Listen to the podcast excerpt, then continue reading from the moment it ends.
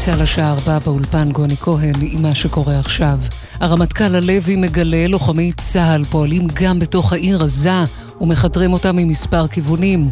הכוחות מעמיקים את הכניסה ומעמיקים את ההישגים, אומר הלוי. הם נלחמים במרחב בנוי, צפוף ומורכב, שדורש לחימה מקצועית והרבה תעוזה. עוד הוסיף הרמטכ"ל, אנחנו מפעילים פחות ממחצית מכוחו של חיל האוויר, וערוכים לתקוף גם בזירות אחרות. ובתוך כך 25 רקטות ופצצות מרגמה שוגרו לעבר מוקדים שונים בגבול לבנון בשעה האחרונה. כולם נפלו בשטחים פתוחים ללא נפגעים, אזעקות נשמעו בשורת יישובים לאורך הגבול. צה"ל מגיב באש בדרום לבנון.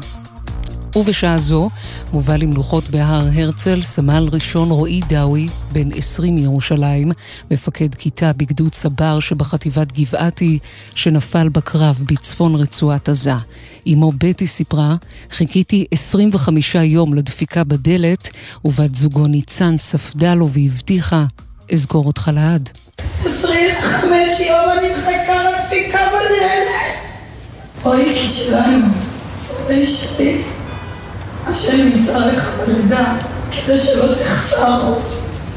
קיבלנו אותך פיקדון ל-21 שנה, פחות שלושה ימים. כן, קשה, אין אפשר להמשיך. האהבה הכי גדולה שלי. אין מישהו שלא מפספס את אהבת חינם שיש בך. האור שלי, רואיקי שלי, כמה אושר יש בי כשאני איתך. ועכשיו מה? משרד הביטחון הודיע על שורת מענקים מוגדלת לחיילי מילואים שגויסו ועל הקמת קרן סיוע למילואימניקים שנפגעו כלכלית בשל השתתפותם במלחמה. עם הפרטים כתבנו הצבאי דורון קדוש. חיילי מילואים שגויסו בצו 8 למלחמה ומילואימניקים שהתנדבו לשירות יקבלו מענק חד פעמי בסך של עד 1,100 שקלים. משרתי מילואים שהם הורים לילדים עד גיל 14 יקבלו מענק נוסף של 2,000 שקלים, בנוסף הסכום המינימלי ליום מילואים יוגדל ל-300 שקלים ליום. ועוד בשורה, משרד הביטחון מקים קרן סיוע ותגמול לחיילים ששירתו במלחמה בהיקף של 70 מיליון שקלים. זאת לסיוע על נזקים כלכליים שנגרמו להם ולמשפחותיהם בשל ההשתתפות בלחימה. אזעקות נשמעות בשעה זו בבאר שבע, שגב שלום וחצרים. כעת אה, דיווח בארצות הברית, ארגון הטרור חמאס אוגר כמויות עצומות של דלק, מדווחת כתבת חדשות החוץ, איה אילון. לפי גורמים אמריקנים, בידי ארגון הטרור חמאס יותר מ-200 אלף ליטרים של דלק, כשהמאגרים בבתי החולים ברצועה אוזלים, כך לפי דיווח ברשת NBC. עוד נכתב בדיווח כי הדלק משמש את חמאס לירי רקטות ולגנרטורים שמספקים אוויר נקי לרשת המנהרות התת-קרקעיות. בבחריין אומרים כי הפרלמנט הורה להקפיא את היחסים עם ישראל, אך משרד החוץ מכחיש את הדיווח, מדווח כתבנו לענייני ערבים, ג'קי חוגי. בהודעה מבחריין נאמר כי הפרלמנט בממלכה הורה להחזיר את שגרירם בישראל הביתה ולהקפיא את הקשרים הכלכליים. בפועל, נמסר מירושלים, לא נאמר דבר ישירות לישראל, ועל כן, נכון לעכשיו, עדיין אין שינוי במצב היחסים. אתמול הודיעה ירדן כי היא לא תחזיר את שגרירה בישראל לארץ עד תום המלחמה. לראשונה מהקמת הממשלה ממלא מקום נשיאת המדינה, השופט עוזי פוגלמן, סליחה, ממלא מקום נשיאת בית המשפט העליון עוזי פוגלמן ושר המשפטים יריב לוין סיכמו על מינוי 14 שופטים עמיתים לערכאות הנמוכות. זאת כשבועיים לאחר פרישת נשיאת העליון ועל רקע אי כינוס הוועדה לבחירת שופטים, כאשר עד סוף השנה צפויים להיות חסרים במערכת 54 שופטים. כתבתנו לענייני משפט, תמר שונמי, מציינת כי מדובר במינויים של שופטים שפרשו לגמלאות, אך ימשיכו לכהן ובכך יפחיתו את העומס מהמערכת. מזג האוויר, גשם מקומי ייתכן בהרים, אלה החדשות.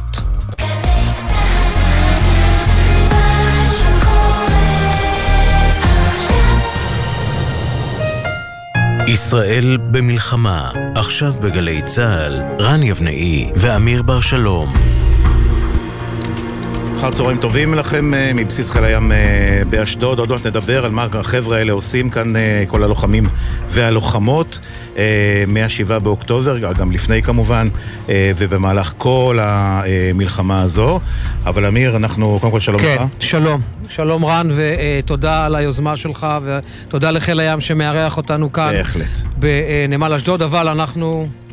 כן, אנחנו נעבור תכף להצהרה של רמטכ"ל, רב אלוף הרצי הלוי. שהיה פה ממש עכשיו בבסיס אשדוד. שהיה ממש, כן, לפני כמה זמן, וראינו אותו אפילו, ולהצהרה שלו על הצהרה על מה שקורה עכשיו בעזה. כן. דברים חשובים מאוד. התקדמנו שלב משמעותי נוסף, והכוחות נמצאים כעת בלב פעולה קרקעית בצפון רצועת עזה. לוחמי צה"ל פועלים בימים האחרונים בעיר עזה, מכתרים אותם ממספר כיוונים, מעמיקים את הכניסה, ואנחנו מעמיקים גם את ההישגים. כוחות נלחמים במרחב בנוי, צפוף, מורכב, דורש לחימה מקצועית מאוד והרבה תעוזה. כוחות היבשה מלווים על ידי מודיעין מדויק וסיוע אש מהאוויר ומהים. השותפות הזו, זה הסוד שלנו. היא מגבירה את ההישגים והיא הופכת את הלחימה לאפקטיבית הרבה יותר. לוחמים מנהלים קרבות פנים אל פנים מול אויב אכזר, כשלצידם יתרון ברור. הרעות ורוח הקרב זורמות בעורקים, רוחה של החברה הישראלית וצדקת הדרך שלנו מלוות אותנו כל הזמן, וזה מורגש מאוד, זה חשוב מאוד. למלחמה הזו מחיר כואב וקשה. זהו חלק בלתי נפרד מהבטחת ביטחוננו כאן. איבדנו מטובי בנינו בלחימה, אנחנו מחבקים אלינו את משפחותיהם, ועם הרוח והזיכרון שלהם נמשיך וננצח. השבוע התרגשנו כולנו כשהחיילת אורי מגידיש שבה למשפחתה. רגע מאחד, רגע משותף. אני מרשה לעצמי לומר, אחרי שנים של שירות מבצעי עשיר, היה לנו לילה דרמטי במבצע החילוץ הזה. עם החלטות מורכבות, עם סיכונים ועם סוף טוב. אורי היא כמובן עולם ומלואו, אבל אנחנו גם יודעים שהפעולה הזו היא טיפה בים. יש לנו מחויבות עמוקה לעשות הכל, להחזיר הביתה את החטופים כולם. אנחנו משמרים מוכנות גבוהה בכל הזירות, פועלים בגבול הצפון, לוחמים בנחישות בטרור הפלסטיני ביהודה ושומרון, בדגש על ארגון חמאס, ומחויבים כל הזמן להיות מוכנים להתרחבות התרחישים גם לזירות נוספות. חיל האוויר פועל ברצועת עזה בעוצמה רבה ובהצטיינות יתרה. אבל אסור לטעות. אנחנו מפעילים ברצועת עזה פחות ממחצית מכוחו של חיל האוויר. רוב הכוח ערוך ומוכן, עם פצצות על הכנפיים, ואנשים שמוכנים לזנק בכל רגע אל המטוסים, לצאת ולתקוף גם בזירות אחרות ברגע שיידרש.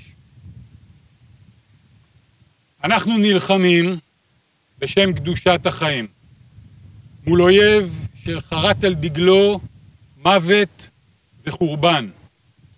אנחנו נלחמים על הזכות שלנו ושל הדורות הבאים לחיות כאן בבטחה ולשגשג במולדת שלנו. זה הבית שלנו, אין לנו ארץ אחרת. אל מול הרוע המוחלט, אנחנו פועלים בקור רוח, בשכל ובנחישות. נילחם כלוחמים, כשבידינו מצפן ערכי חד, עליהם, על הדברים האלה, הוקמה המדינה שלנו, שמוקפת בחלק מהכיוונים גם על ידי אויבים. צה"ל נלחם בחזית, אבל לא שוכח את העורף. חיילים שלנו, של צה"ל, של מדינת ישראל, נמצאים ביישובים, בקהילות, במעונות המפונים, מלווים את המשפחות השכולות ואת משפחות החטופים. זהו מאמץ לאומי רחב שנוגע ומנסה להביא טוב בכל מקום. נוביל את הלחימה הזו לאור המטרה שבליבנו העורף הישראלי המחזק אותנו מבית, ולרגע לא נשכח עבור מה אנחנו נלחמים. ילד רוכב על אופניים בקיבוץ, זוג בחופתו בדרך לעוד בית ישראלי, ההורים שלנו, הסבים והסבתות, בוני הארץ הזו, הנותנים בנו אמונם, בעודנו נלחמים למענם, למעננו. נילחם לשם כך ועבור החיים כעם חופשי בארצנו. צבא העם מגיע מהעם ומשימתו להבטיח את המשך קיומנו כאן ואת המשך שגשוגנו כאן במדינה שלנו. בימים האחרונים אני מבקר הרבה אצל הכוחות בשטח. פגשתי אנשי מילואים שהגיעו ממש מקצה העולם כדי לממש את הזכות להילחם על הגנת המדינה. פגשתי חיילים צעירים שרק הרגע סיימו את מסלול ההכשרה ומתעקשים להיכנס ולהשתלב בלחימה, להצטרף למשימת ההגנה על הבית. אני פוגש מפקדים רבים שמובילים את אנשיהם באומץ, במקצועיות ובנחישות, כל אלה עטופים בכישרון רב. אני גאה מאוד לעמוד בראשם ויודע שיש למדינת ישראל, יש לעם ישראל על מי לסמוך.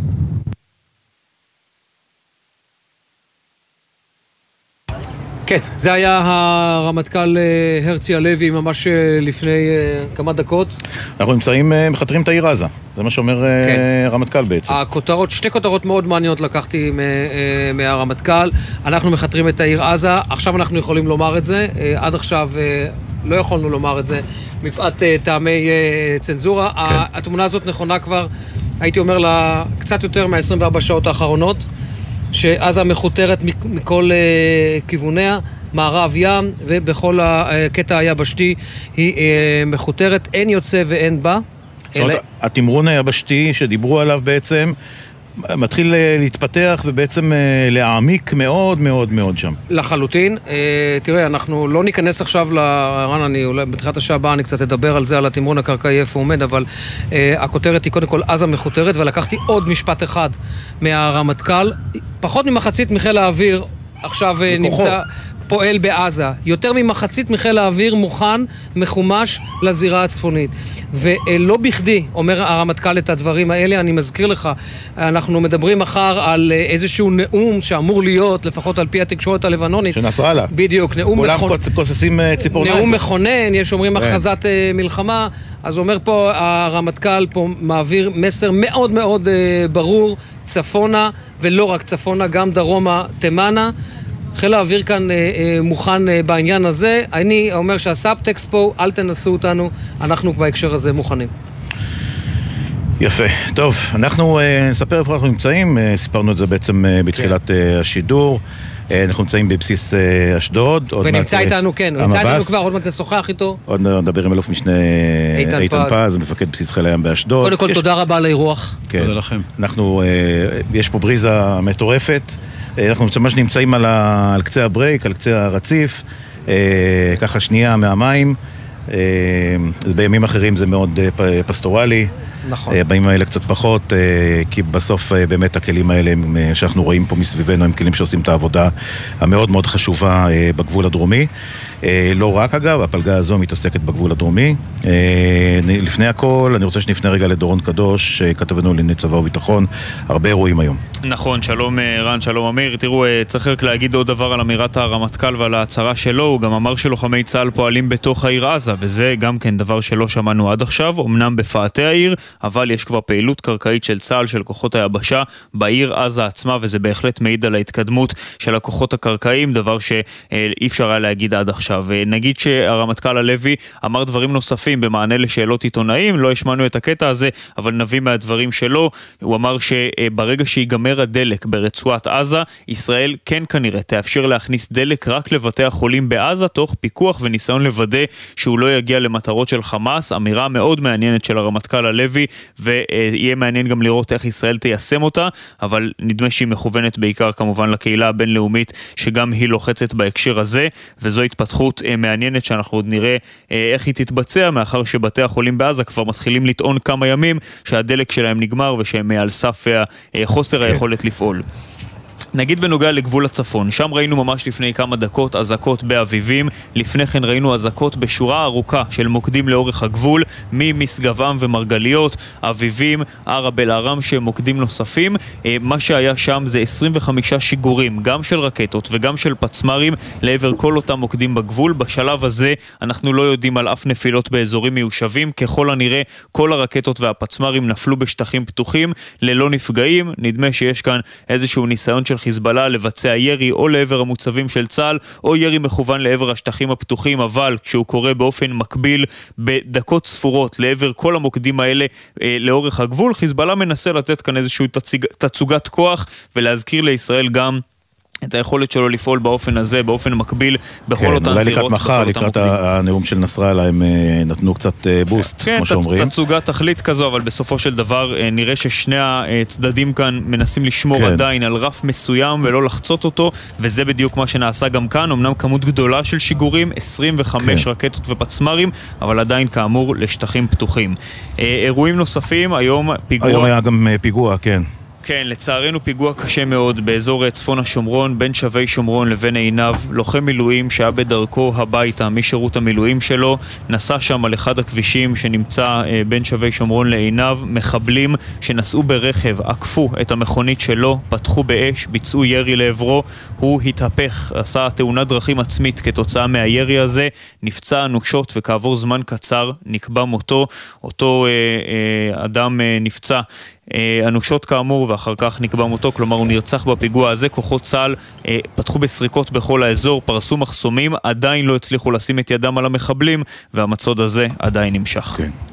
דורון קדוש, כתבנו לענייני צבא וביטחון, תודה רבה לך. תודה. אה, כמובן, אה, נשוב אליך במידת הצורך, אה, אה, כמובן, אה, שוב.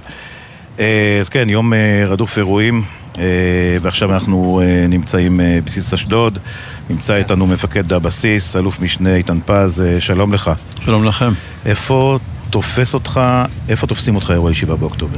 אני הייתי בדרך לבסיס, קצת לפני שהאירועים התחילו, אה, תוך כדי שיש לי שיח עם המוצב השולט, שלמעשה רואה את כל רצועת עזה. האחריות של הבסיס היא גדולה יותר, היא מתחילה באזור חדרה עד מצרים, שעזה במיקוד. אנחנו מתחילים לשוחח על הכלי שיט שנמצאים בים, קצת על הכוחות שנמצאים בים, אלא גם בערנות. לפני הירי אתה כבר בדרך לבסיס? כן, לפני הירי. כלומר, אתה מבין שהולך לקרות משהו? אה, לא, אבל אני נמצא באיזשהו סוג של דריכות, כי אה, זה חג, זה שבת. אה, היית עם היד על הדופק בעצם. עוברים הרבה ימים, כן. אנחנו דורכים את הכוחות פה במידה מסוימת, לא מעבר לחירום או משהו כזה, אבל דריכות קלה ביחס למה שקורה. ולמעשה ב-6.29 שמתחיל הירי תמ"ס, אני מנחה את הכלים לעבור למוד של אה, לחימה, לחימה מקפיץ עוד סדק לים. זאת אומרת, יש לך אה, בעצם סדק שנמצא בים כבר? כן. ואתה כן. מקפיץ בעצם עוד כלים. נכון, אנחנו מקפיצים מפה עוד שתי דבורות עם מפקד סיירת, ועוד כלים ללוחמה אלקטרונית, ואת הכלים שבים אנחנו מסדרים באופן כזה שייתן הגנה טובה יותר, יחד עם הקפצה של כלי שיט של סנפיר עם לוחמים ולוחמות שיוצא מאזור קצא"א, ולמעשה מי שפוגש את הגל הראשון של הפשיטה. זה הם. זה הם, נכון, שתי דבורות, או דבורה של דג וצירה. הם עושים מענה שהוא מענה טוב, אה, לא הרמטי, לא מושלם כמובן, נוחתים מספר מחבלים על החוף, שחלקם אנחנו מצליחים להשמיד מהים באש מאוד מסיבית, מהכלים. רק להבין, רק לפני שאתה ממשיך, אני, זה, זה, זה סרט מתח מה שאתה הולך לתאר לנו כאן ואנחנו יודעים, אני רק רוצה לשאול אותך, אה, המחבלים, כאשר הם מגיעים לחוף זיקים, הם מגיעים איך, בצלילה, הם מגיעים עם כלים אה, איך, איך הם מצליחים להגיע במספרים האלה?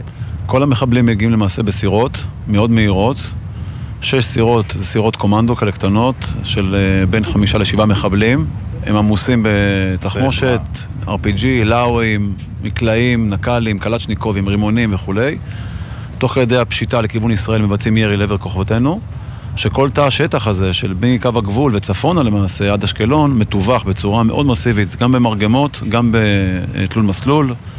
וגם בירי, נ"טים. כלומר, הספינות חוטפות אש כל הזמן כאשר הן רואות את, ה, את הספינות הפשיטה האלה של... יש אש, כן, יש אש נגד הספינות. יוצרים איזושהי מטריה כל הזמן נכון, מצידם. נכון, למזלנו אף אחד מהכלים שלנו לא נפגע וגם לא אף אחד מאנשינו.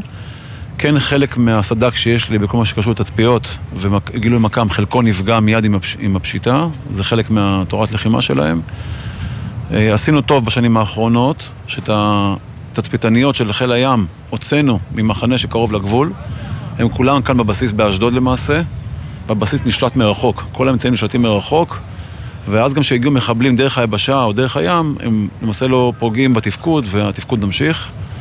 ובאותו רגע שהכלים מסתערים, הכלים שלנו מסתערים על אותם סירות גומי, יש שתי סירות שנעות בצורה מאוד מהירה, מוכוונת לכיוון אשקלון. כשאתה אומר מהירה, איזה מהירות בעצם? זה 35 קשר, Aha. בים זה מאוד מהר, זה מקביל ל-70 קמ"ש ביבשה. והכלים שלנו בעצם יודעים... הכלים אה, שלנו טיפה יותר מהירים מה, מהמהירות הזאת, נמצאים בעליונות, אבל הם צריכים לסגור על מספר רב של כלים. בסוף כן. יש שבע סירות מול שני כלים שלנו. תבחר, אתה צריך לבחור. אתה צריך לבחור מה מסכן, והיה ניהול מאוד מאוד טוב וחותר למגע של המפקד בים. רגע, הוא, הוא משמיד סירה, היא טובעת, ממשיך לבא, איך זה עובד? הוא תוקף את הסירה הכי צפונית שנוסעת או מפליגה לכיוון אשקלון, תוך כדי שיש עליו אש, גם מתוך הסירה עצמה. היא מפליגה מאוד קרוב לחוף, בערך 200 מטר מהחוף, והוא מגיע למגע ראשון, משמיד אותה, או יותר נכון פוגע בה בצורה משמעותית, היא מתהפכת, המחבלים עפים למים, הם לא מתים, ומיד אחריה הוא פונה לסירה הבאה בתור שמפליגה מאוד מהר כיוון צפון, לכיוון אשקלון, פוגע גם בה. היא נדלקת, גם שם מחבלים למים, והוא מכווין את הצירה הקטנה יותר לכיוון הסירות, להשמיד את המחבלים שנמצאים במים, תוך כדי שהוא מתמרן לכלים בדרום יותר. עכשיו רגע, זה מדהים, רוצה... רק, רק לפני כן, רן, תראה, מדהים, מה שאנחנו שומעים פה ממפקד בסיס אשדוד זה איך מקבל מפקד בים החלטה של שניות, הוא צריך לעשות החלטה של שניות, איזה סירה ראשונה להטביע, לא ללכת ללוחמים, במ... ל... סליחה, למחבלים במים, לרוץ לספינה, לסירה השנייה, להטביע אותה כדי שלא תגיע, ואז הוא צריך להכווין עוד כלי כדי לחסל את אלה במים, והוא חוזר בינתיים דרומה. הוא, הוא ממשיך דרומה עכשיו לעוד חמיש, חמישה כלי שיט, תוך כדי שהוא מבקש מהכלי שיט שלנו, של חיל הים הנוסף, שנמצא באזור האסדה, להגיע אליו, הוא סוגר במהירות, הכלי השני, ואז יש שתי דבורות שעומדות מול החוף. מצליחות לפגוע בעוד שתי סירות ממש לפני שהן נוגעות בקו המים, ובשאר הכלים יש סירה אחת עם חמישה מחבלים שמגיעה לאזור חוף זיקים, שם המחבלים יורדים לקו החוף, אנחנו לא מצליחים לתפוס אותם, לא להגיע אליהם בזמן. הם נכנסים לסוג של חילופי ירי עם כוח של גולני שהקפצנו עם תחילת האירוע. הם מצליחים להתגבר על הכוח של גולני שם, למעשה הורגים לא מעט אזרחים שנמצאים בחוף, וגם פוגעים בחלק מהכוח של גולני.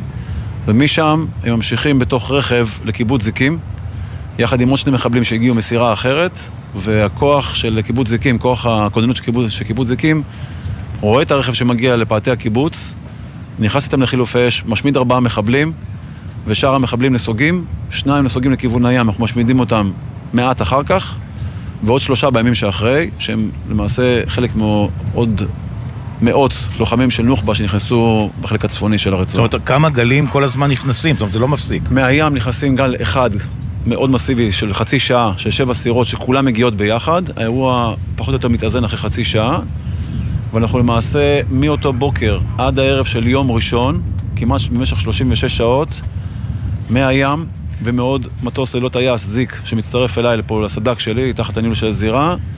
מצליחים, ללא כוחות היבשה בשלב הזה, כי הם כולם עסוקים יותר בעומק, כן. מצליחים על כל המרחב של בין קצא"א, אשקלון, לבין קו הגבול בעזה, ומספר קילומטר פנימה, להשמיד סדר גודל של 70 מחבלים. הם התגברו אגב על המכשול הימי שלנו גם? ש... כן, המכשול הימי הוא קטן, הוא 200 מטר, כן. זה שובר גלים קטן. הם כן פגעו בנ"ט במערכת אה, תותח שיש למעלה, כדי שלא תפריע להם בכניסה לישראל, זה חלק מהפשיטה שלהם. ובאמת היא הושבתה. אה, בתוצאות האירוע של הפשיטה הימית יש סדר גודל של בין 35 ל-40 מחבלים. בערך בין, בין שמונה לעשרה מצליחים כן להגיע לעומק השטח ואנחנו מחסלים אותם אחר כך, וכל השאר מושמדים או בים או על החוף. אבל אלוף משנה פז, אתה יודע, אה, אתה מתאר לנו עכשיו את ה-36 שעות הראשונות. זיקים המשיכה לדעתי להיות הנקודה הכי חמה בכל השבוע הראשון של הלחימה. כלומר, חמאס לא עצר את ניסיונות החדירה, ניסיונות החדירה הימיים המשיכו גם אחר כך. נכון. יש לנו עוד מספר אירועים אחר כך של ניסיונות גם בצלילה. אפילו כמעט שבועיים אחרי תחילת הלחימה, שאנחנו מחזיקים שם כבר סד"כ הרבה יותר מעובה, מצטרפים אליי לפה לזירה עוד כלים של שין 13. ואז יש סד"כ מאוד מאוד גדול ומסיבי, שומר על כל החלק הדרומי. רק נאמר, שין 13, הקומנדו שייטת. כן, אני כל הזמן חושב על אימא שלי, שאומר שין 13, היא מחפשת את, ה, את השורה בתשבץ. כן, שייטת 13. אנחנו למעשה מחזיקים שם כוח אחוד, שמי שמפקד עליו זה המפלג האורגני פה, זה מפלג 916 של פלגת הבט"ש, הוא מפקד על הכוחות שם. ולמעשה מחזיקים את כל קו החוף, הם נפרסים מול החוף ומול עזה, גם מצליחים להמטיר אש לכיוון עזה. אנחנו מסכלים עוד ניסיון של לקיחת גופות מכיוון ישראל, פעמיים שטרקטורים שמכיוון מגיעים מעזה, כדי להעמיס גופות, כנראה של חיילים. אנחנו משמידים את הטרקטורים האלה מכיוון הים, מהנשק של הדבורות, ומונעים לקיחת הגופות, באחד מצליחים לגמרי, בשני קצת פחות, באופן חלקי, אבל מצליחים לפגוע בעוד מחבלים. אתה יודע, אלוף משנה פז, אתה מדבר פה, ואנחנו אומרים לעצמנו, גם אני וגם אמיר, חיל הים היה מוכן. זרוע הים הייתה מוכנה כנראה לדבר הזה. אני חושב שזרוע הים, לפי הדברים שאתה מתאר, זאת אומרת, כל ההתכנסות שלכם בים, במבנים, ובעצם קו הגנה שפרסתם, וגם ההתקפה, זה נשמע כאילו חיל הים היה מוכן בעצם לסיפור הזה. תרגל את זה המון, לזה אני מתכוון. אני חושב שהכוחות, גם פה ביבשה, שזה התצפיתניות, נקרא אצלנו בקריות השליטה, כן. וקציני השליטה, קצינות השליטה. הבקשיות. נכון, יחד עם הכלים בים, הסד"כ בים, מפקדים, מפקדי הסיירות וכולי, גם מתאמנים בשגרה בצורה מאוד אינטנסיבית. Mm-hmm. בשונה אגב ממה שקורה בעוטף של עזה, לכוחות היבשה, יש לנו חיכוך יומיומי עם האוכלוסייה בעזה בים, עוד לפני המלחמה. אנחנו נוהגים לעשות מעצרים בים אחת לשבועיים. גם קומנדו וגם קומנדו לא. של חמאס וגם... לא, לא, מול, מול אוכלוסייה שחלקה היא לכאורה תמימה, דייגים, אבל חלקה גם כן בערב עושה דברים אחרים. תפסנו כבר לא מעט כאלה בשנים האחרונות שהם דייגים ביום והם פעילי גא"פ בלילה או פעילי חמאס בלילה. שעושים מה? עושים מודיעין? הם באים לאסוף מודיעין, כן. הם מתפרנסים ואז מתפרנסים ממקורות אחרים, הם מטרידים את כוחותינו, הרבה פעמים חורגים במרחב הדייג, מסכנים את האסדה, עוסקים בהברחות בגבול מצרים. אנחנו מסכלים את זה בשגרה, מפעילים המון מאמצים כדי שלא יהיו הברחות לתוך הרצועה. ראיתם כמה חימוש יש היום בחמאס. כן. שמגיע דרך המנהרות ברפיח, חלקו גם מגיע דרך הים, אנחנו עובדים כל הזמן כדי לסכל את זה. החיכוך הזה, היומיומי, הביא את הלוחמים, לוחמות, מפקדים, מפקדות, והבק"שיות והקשל"טים למצב של מוכנות מאוד גבוהה. אבל מישהו תיאר לעצמו שתהיה כמות כל כך גדולה של מחבלים? לא.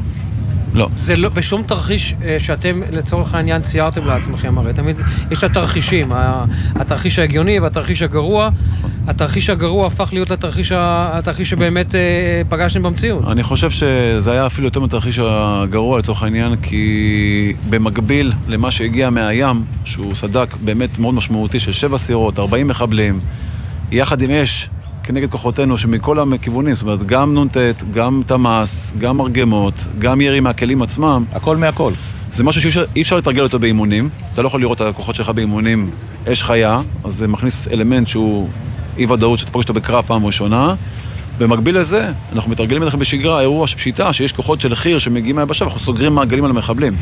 כוחות היבשה היו עסוקים בעשרות פשיטות בכל מרחב העוטף, כן. ולמעשה נשארנו בעניין הזה ביומיים שלושה לבד. הראשונים לבד. אחרי יומיים שלושה שהתחיל להגיע סד"כ משמעותי שתגבר את כל אוגדת עזה, אז התחלנו לעשות שיתופי פעולה ועשינו חיסולים במשותף. אתה יודע, אני, אני שואל את עצמי את השאלה, ואני חוזר שוב לעניין הזה של הנקודה החמה באזור, באזור זיקים. למעשה, אתה מחזיק היום את אחת הנקודות הכי, נקרא לזה, הכי רגישות.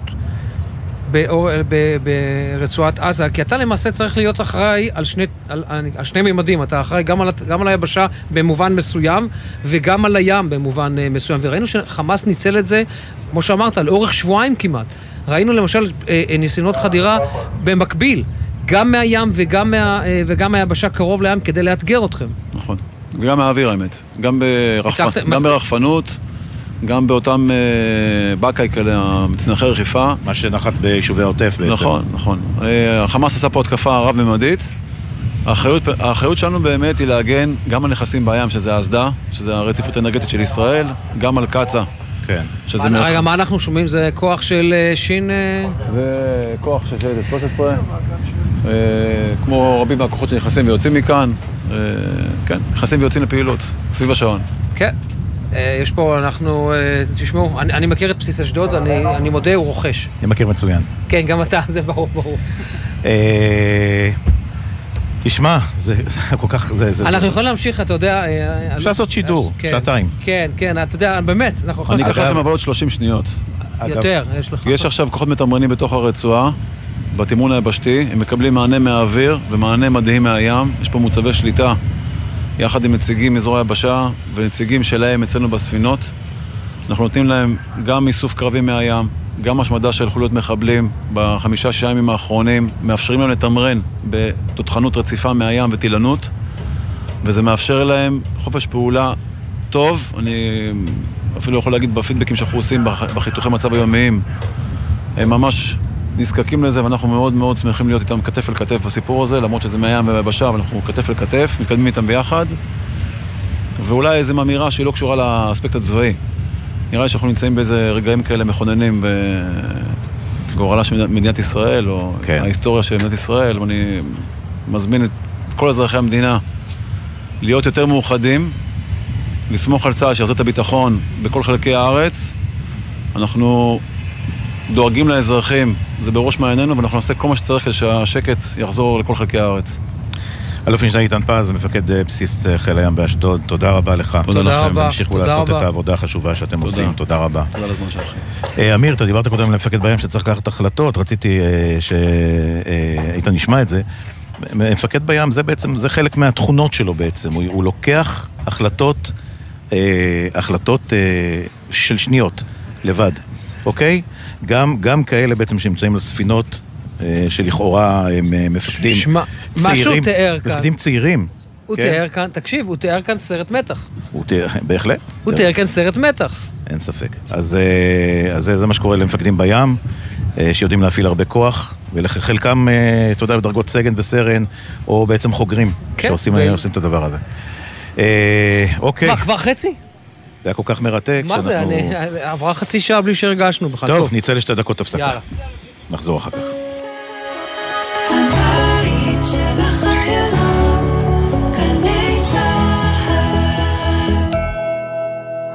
עובדים ועובדות, יש לכם שאלה? אנחנו כאן בשבילכם. משרד העבודה פתח למענכם מוקד מידע לזכויות עובדים בעת חירום. כוכבית 3080. כל מה שחשוב לכם לדעת במקום אחד. חל"ת, מילואים, זכויות הורים ועוד. כוכבית 3080. מוקד זכויות עובדים בחירום. משרד העבודה.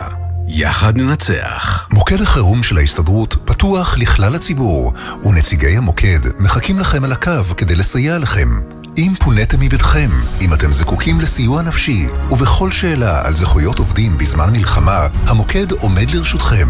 לפרטים, התקשרו אלינו, כוכבית 2383, ההסתדרות, הבית של העובדות והעובדים בישראל. אזרחים ותיקים, מוקד החירום לסיוע בנושאים חיוניים פועל למענכם 24 שעות ביממה. התקשרו כוכבית 8840. יחד ננצח. משרד הנגב, הגליל והחוסן הלאומי. אנשי חינוך, הילדים זקוקים לכם.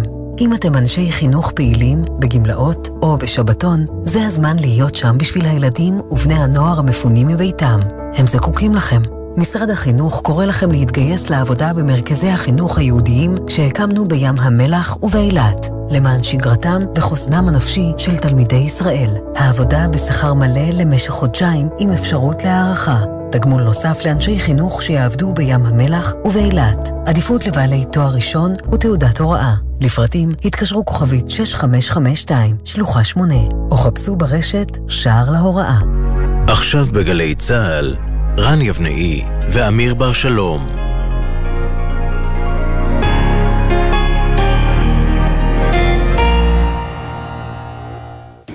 כן, אה, שלום לכם שוב מבסיס חיל הים אה, באשדוד. איתנו נמצא עכשיו אה, תומר פלד, שלום אה, תומר. היי, שומעים אותי? כן, שומעים אותך אנחנו שומעים מצוין. אותך, תומר, שלום. אתה חברו של אה, סגן במילואים יובל זילבר שנפל הבוקר בעזה. נכון. נאמר רק, יובל בן 25, נפל אתמול אה, כן, הוא נפל אה, אתמול בלילה בהיתקלות עם מחבלים במהלך קרב בצפון רצועת עזה. כן, הבוקר יובל- פורסם שמו. כן, יובל היה מ"מ בגדוד אה, 7007 בחטיבת ירושלים. תספר לנו אה, על אה, יובל, חברך. אמ, אני אתחיל מהסוף. אמ, הוא הוא לא היה חייב להגיע. היה לו הצבת חירום בתור אה, רמ"ד אוהד בביסלח. היה אמור להיות בתפקיד של הדרכה. ובנוסף על זה הוא גם היה בתאילנד. אני סידרתי לו את הכרטיס טיסה הביתה, והוא שינה את הצבת החירום. הוא התנדב לעשות את זה באמת כי הוא בן אדם מיוחד, וכולם גיבורים, יש, יש יותר מדי גיבורים בתקופה הזאת, אבל, אבל הוא באמת זה ש... אתם חברים, חברים ממש טובים, ממש מגיל קטן, גיל תשע, ממש צמודים. כן. הוא, הוא אחי. Uh, הבדיחה זה שאבא שלו קורא לי הבן המועדף. Uh, אנחנו לא נפרדנו ליותר מכמה ימים עד, uh, עד באמת הצבא.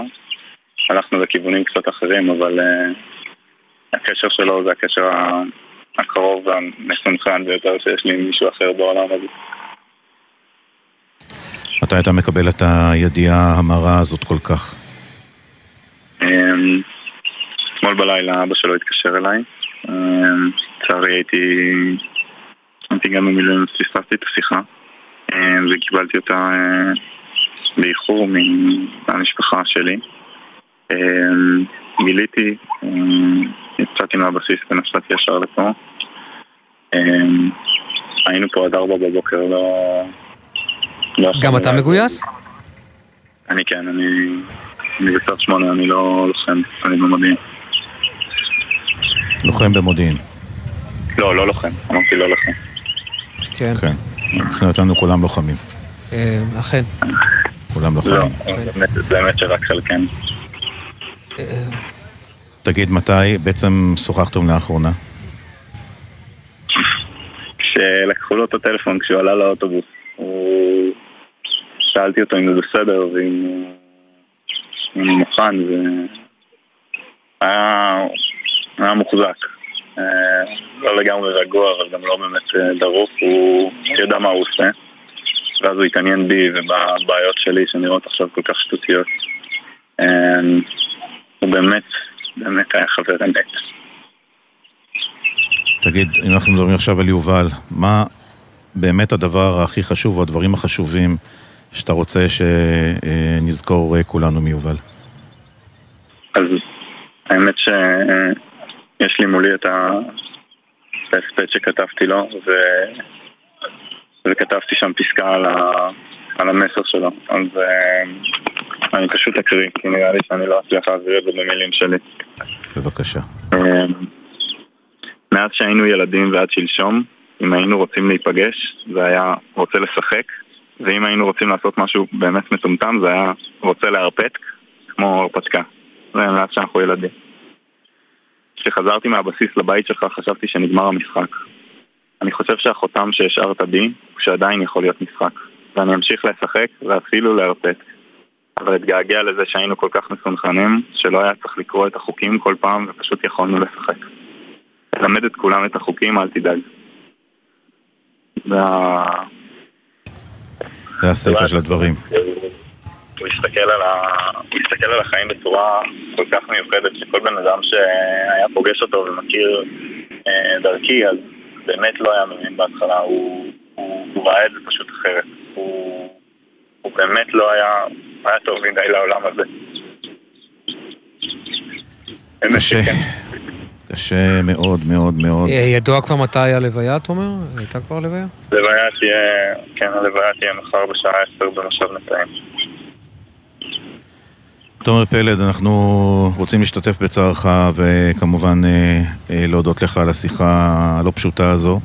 חברו של סגן במילואים יובל זילבר שנפל אתמול בלילה בעזה, היום מותר שמו לפרסום.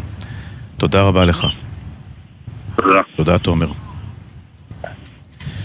תשמע, אה, וואי, השיחות... אה, כן. אה, זה...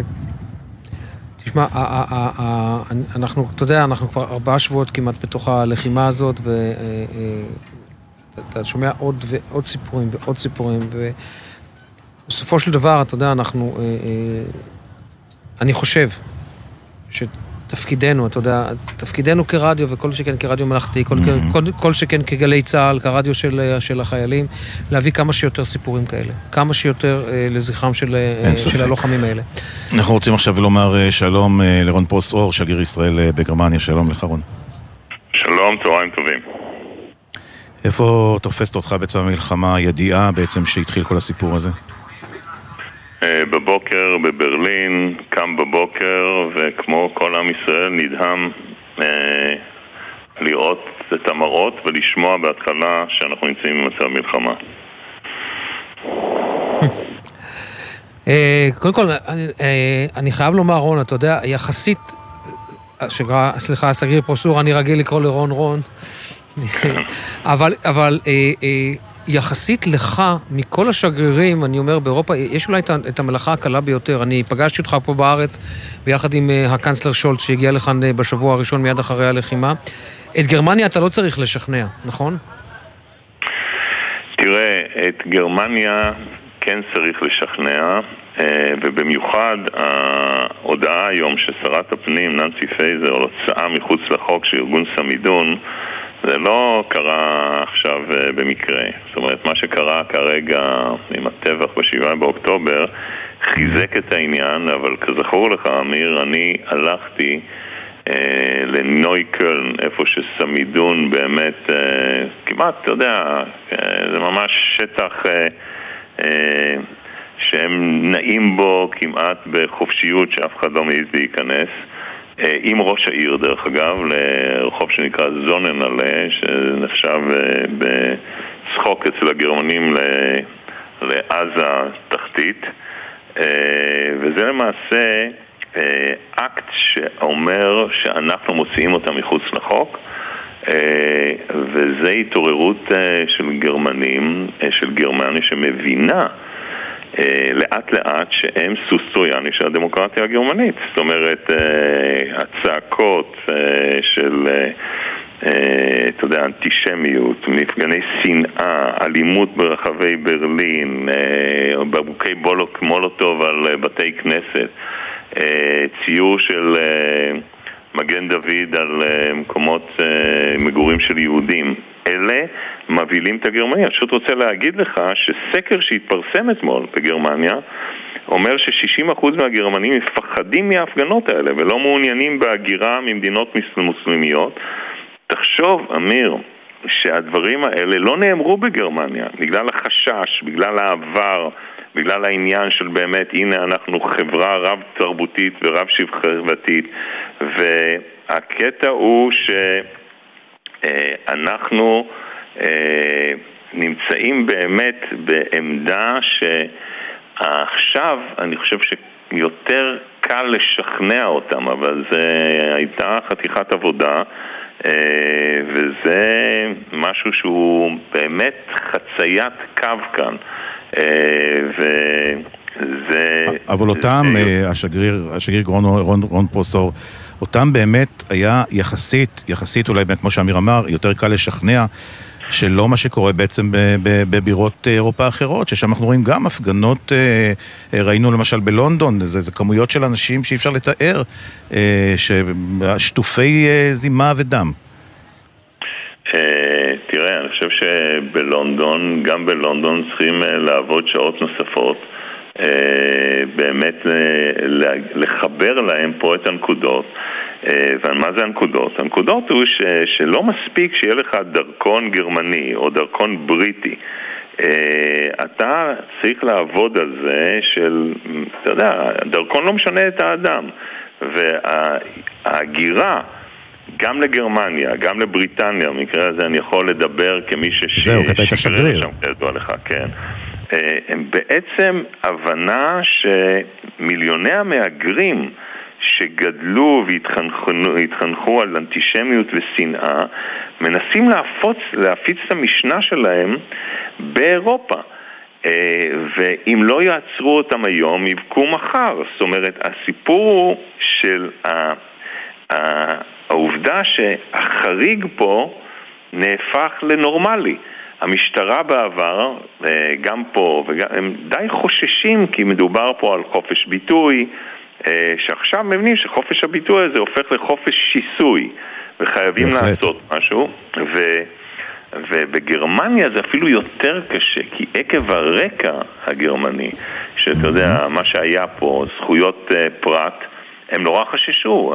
נגיד בגרמניה יש לך הפרדה כמו firewalls בין אה, ה-BKA שזה, שזה המשטרה, לפפסום שזה השב"כ, וה-BND שזה המוסד, הם לא מחליפים אינפורמציה בגלל נושא של. זכויות פרט.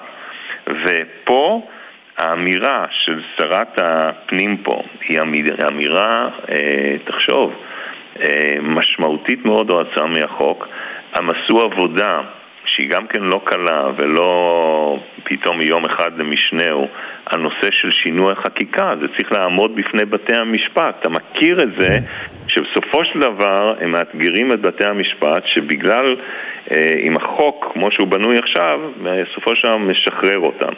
אבל זה באמת אה, אה, עבודה מאומצת של משרד הפנים עם שיח מתמיד איתנו אה, והיום יש פה באמת אה, משהו קרה בגרמניה וזה נופל תחת גם הדברים שאמר הקאנצלר.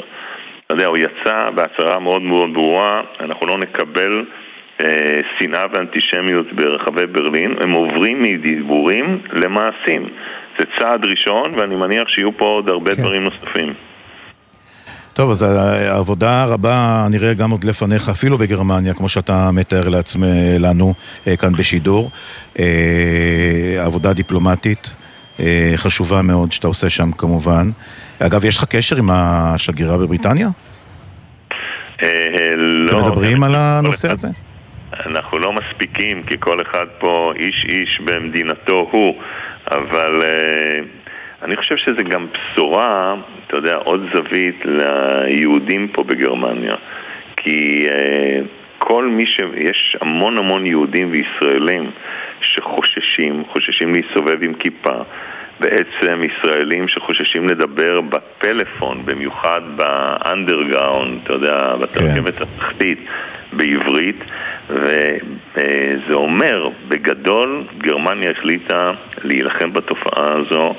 אה, אנחנו התחלנו את הדרך, אנחנו חייבים להבטיח שיהודים יוכלו לחיות בגרמניה ולהסתובב בבטחה, והדבר הזה זה מסר לא פחות חשוב אה, לקהילה היהודית ולישראלים שנמצאים כאן. רון פרוסו, שגריר ישראל אה, בגרמניה, תמיד נחמד כמובן לשוחח איתך גם על דברים כאלה וגם על אחרים. תודה רבה לך ותמשיך לעשות את העבודה החשובה תודה, הזו רון. בשבילנו. תודה, תחזיקו מעמד, גם אתה וגם רן. הלוואי, אה, ו- רון, הלוואי והיית יכול להיות איתנו פה בעמדה עכשיו, ולראות מי יושב מולנו, סגן מתן, סגן מפקד אה, אה, סנפיר, תישאר, תישאר לשיחה. לוחם, צעיר, מחייך. הנה, תודה רבה לך, רון. תודה, רון. כולנו גאים ונמצאים כאן כדי לאפשר את שעון החול המדיני, כדי שצבא ההגנה לישראל יוכל להשלים את היעדים שהוא הציב לנו ולהגן על כולנו. תודה. תודה, רון. תודה, אדוני. השגריר. אה, סגן מתן, סגן מפקד אה, סנפיר, יושב כאן אה, מולנו, היה לפני שבוע באירוע ניסיון חדירת הצוללנים, אני חושב שהיה בעוד אירועים, הוא בטח יספר לנו עליהם. שלום לך, מה נשמע? מה נשמע, אמיר? מה נשמע רן? איך אתם? אתה נראה אתה מוריד כאילו- לו את המדים, אתה מוריד לו את המדים, אתה אומר, רגע, יש פה תיכוניסט שמח יושב לא, לפנינו. איפה, כבר הרבה אחרי. כן, תגיד, אה, כן. אתה רוצה לספר לנו קצת על יחידת אה, סנפיר, מה שאפשר כמובן? ברור, ברור. אה, קודם, יח- יחידת סנפיר זה יחידה שפרוסה בשלוש זירות. היא פרוסה בחיפה, היא פרוסה באשדוד, היא פרוסה באילת. אני יכול לספר לך בעיקר על היחידה שלי, כי מפה אני מגיע, וזה בעצם הבית שלי. יחידה שמהות היחידה היא בט"ש, שזה ביטחון שוטף.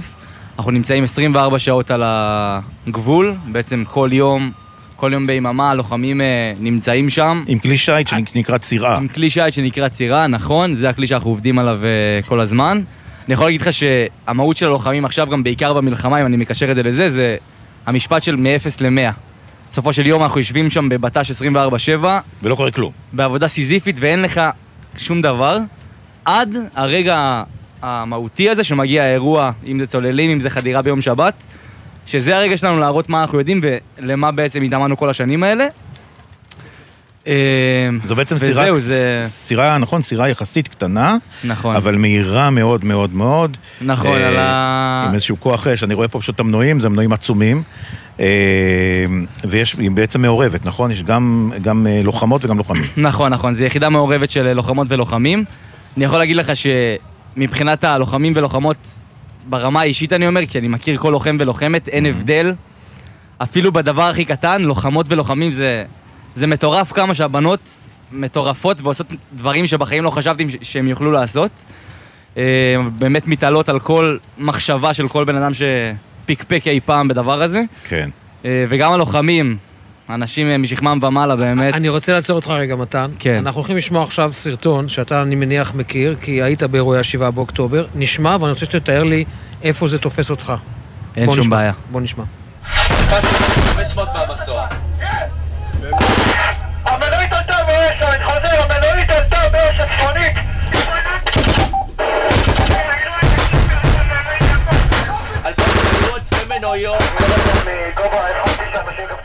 כן, זה- זה- זה הקול שלך?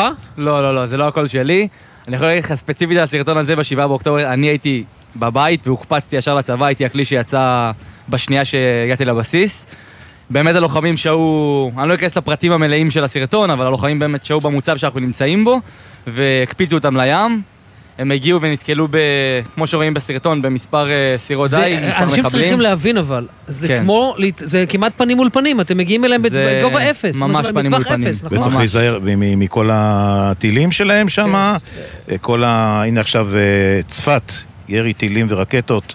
צפת, אזעקה יש עכשיו בצפת. בעצם על כל המרחב שם, אה, ספסופה, קדיטה, בר יוחאי, אמירים, אור הגנות, צפת. אה, אמרנו כרם בן זמרה, רמת דלתון אה, וגוש אה, אם חלב. אנחנו, אם אנחנו מדברים על ירי טילים, אנחנו מדברים פה על ירי טילים נרחב יחסית של נרחב. חיזבאללה, הרבה מעבר לקו המגע, וככל הנראה אנחנו מדברים כאן על הכנה. לקראת הנאום אה, מחר של אה, נסראללה, אבל בוא לא ניתן לנסראללה להשבית לנו פתאום? את השמחה כאן? עם מתן מתן. לגמרי. אני יכול להגיד לך על המקרה הזה ספציפית, שאני כבר אמירים, נמצא... מירון, ביריה אנחנו וצפת. חייבים לחתור כדי ל- ברור, ברור, אני לעדכן, מבין, אבל- אני מבין, לגמרי. בבקשה, מתן. אני נמצא כבר שלוש שנים בבסיס, מהשלוש שנים האלה אני יכול להגיד לך שמהמב"ס עד למפלג, עד למס"רים, עד למפקד יחידה אישי, כל יום דופקים לנו בראש הערכים של חתירה למגע ודבקות במשימה וחתירה לניצחון. זה מה שאנחנו יודעים, זה מה שאנחנו מכירים, זה מה שהתאמנו עליו כל השנים האלה עד למקרה הספציפי הזה. וברגע שמחדירים לך ומטמיעים בך את הדבר הזה, שזה פוגש אותך, פשוט אין לך מה לעשות חוץ מלפעול ולהשמיט את האיום. אני רוצה לשאול, אה, לשאול אותך, אה, בעצם הם, הם הגיעו גם עם סירות אה, רגילות, איזה סירות דייג כאלה, לא? נכון. וגם עם זודיאקים, סירות גומי? אה, לגבי סירות, אה, איך הם הגיעו, איך הם על מימי, תת מימי, אני פחות רוצה להיכנס לפרטים האלה, אבל הם הגיעו בכל דרך שאתם יכולים לדמיין לעצמכם. כמה סירות הגיעו לחוף? המב"ס כבר תיאר לנו את זה. לא, כמה סירות- תיאר את הסאגים. כמה הגיעו לחוף? אני רוצה להבין כמה, כמה מהם הגיעו באמת לחוף. אה, כמה סירות? לגבי כמה הגיעו לחוף, אני לא, אני לא רוצה להיכנס למספרים מדויקים, גם כדי לא לבלבל את כל המאזינים, וגם כדי לא לתת אווירה של... אבל- לא יודע איזה, אבל אני יכול להגיד לך שכל מה שאנחנו בטווח זמן המיידי שקפצנו לאירוע יכלנו, השמדנו. אבל הם לא הגיעו רק. בסירות, הגיעו גם בצלילה. ושם אתה נכנס לאירוע. אתה- היית- שותף לאירוע של סיכול חדירה בדרך... אה, חיובי. ספר לנו עליו. אה, יכול להגיד לכם שניסו לחדור אה, כמה צוללים, המודיעין עבד מאוד חזק והיה מוכן לדבר הזה, ככה שבאמת היינו מוכנים לכל תרחיש שיכול לבוא, אם זה על-מימי, אם זה תת-מימי, אם זה כל דבר אחר שיכול להיות, ובאמת סיכלנו אותם שהם היו עוד בים, שזה, אני חושב שהוא הישג אדיר של חיל הים, שלא נתנו להם בכלל לעלות לחוף. אה, תאר לי זה רגע, הניצחון אתה- האישי שלי. זהו, הניצחון האישי שלך, ומה אתה, אתה- זאת אומרת, תאר לי את הרגע הזה שאתה מזהה את הצוללנים ואתה סוגר טווח. נכון, מה, צוללן במים? צועקים צוללן במים, רואים צוללן במים? זהו, או יש לנו גם? הרבה אה, אפשרויות אחרות להרג שמלבד אה, ירי חי של נקל, אה, אם זה רימונים, כל דבר כזה או אחר. אני רוצה רגע בעצם- לעצור פה ולפנות שנייה אה, לכתבנו אה, הדר גיציס. אה, כתבנו בצפון, הדר, מה שלומך? לכם, אה, שלומי טוב, אבל אנחנו עדים כאן ל- להאזעקות שנשמעות בשלב הזה גם בגליון, גם באזור צפת, מירון, אה, לאורך כל היישובים אה, שבגליל העליון אפשר לומר, אה, ספסופה, כפר חושן, אה, מרום גליל, קרן בן זמרה, ובשלב הזה נדרשים להיכנס למרחב המוגן. אנחנו לא יודעים לומר האם מדובר בירי רקטי או שמא ירי של פצמ"רים או של נ"ט כפי שדובר. פה זה יותר, זה כבר קרה. כן, שומעים אותך קצת אה, כן, מקוטע. אנחנו- אנחנו שומעים אותך מקוטע. בכל מקרה תאסוף נתונים, אנחנו נהיה איתך ברגע. שתהיה לך קליטה. יותר טובה, אולי אפילו בתחילת השעה הבאה. חוזרים לסגן כן, אה, סגן מתן. אה, סגן מפקד סנפיר, אנחנו, הצולל- הצוללים האלה פתאום נגלים לכם מול נכון, העיניים, חשוב להגיד שהרבה ואפילו כל הזיהוי של הדבר הזה זה בקריות השליטה הימית, שעובדות גם 24/7 על המצלמות, יושבות ועם העיניים ולא מזיזות אותם, אף לא לשנייה. אה, וזה המון המון המון בזכותם כל הסיכול הזה. אז הם חשוב מזהות, להגיד אותם. הם הם מזהות אותם. שולחים אתכם בעצם, שולחות בדיוק, אתכם בעצם. בדיוק, וחשוב להגיד שהזיהוי הזה עוד בים זה דבר שהוא מטורף. זה בקשית אחת שישבה על המצלמה ולא הורידה את העיניים וזיהתה את הצוללים עוד בים, וגרמה בעצם לנו לעבוד ככוח אש מטורף עם הכוונות וכל האמצעים שלנו כנגד הצוללים. אני חייב לשאול אותך שאלה אחת לגבי אחריות. אתה, אתה כן. רואה אותם, אתה, אתה ממש רואה אותם, אתה אומר, אם אני לא פה, הם על החוף, נכון? חד משמעית. זה אחריות מטורפת. אם אני לא פה, לא רוצה לחשוב מה יכול לקרות אם הם עולים לחוף. ספר לנו קצת על האחריות, זאת אומרת, אתה, אתה מבין ש... רגע ההחלטה. זו אחריות שאני שאתה- חושב שכל לוחם נוסע עליה ברגע שהוא יוצא לים. בסופו של יום לוחמים פה יוצאים עם מוטיבציה ורעל בעיניים שלא מאפשרים להם לפספס ברגע שיש כזה אירוע. לזה, לזה התכוננו כל החיים שלנו, לזה אנחנו מוכנים, ואנחנו פה בשביל לנצח. טוב, אשתי אומרת, אה, תחבק את מתן בשבילי. זה קיבלתי עכשיו מהבית. רגע, ספר לנו, אתה, אתה חובל, נכון? קודם כל, אתה יודע מה? אנחנו זהו, שוכחים אני- כל פעם. לפני הכל, ספר לנו בין כמה אתה, מאיפה אתה. זהו, אני בן 22, מתן צדוק דישי מקיבוץ יקום. אה, מקיבוץ יקום. נכון, אה, אני לא חובל, אני גדלתי פה בפלגה בתור אה, לוחם סנפיר. זאת אומרת, לוחם זה בעצם, חוג- היית חוגר. הייתי חוגר אה, לא רגיל. קצין? כן, לא קצין, לוחם אה, מן המניין, שבאיזשהו שלב הציעו לי לתת קצונה ולפק... ולהיות סגן מפקד היחידה. יצאתי לפיקוד, פיקדתי פה תקופה על צוות ועל כלי ביחידה. זהו, משם המשכתי לקצונה, לסגן מפקד יחידה, אני כבר עשרה חודשים בתפקיד.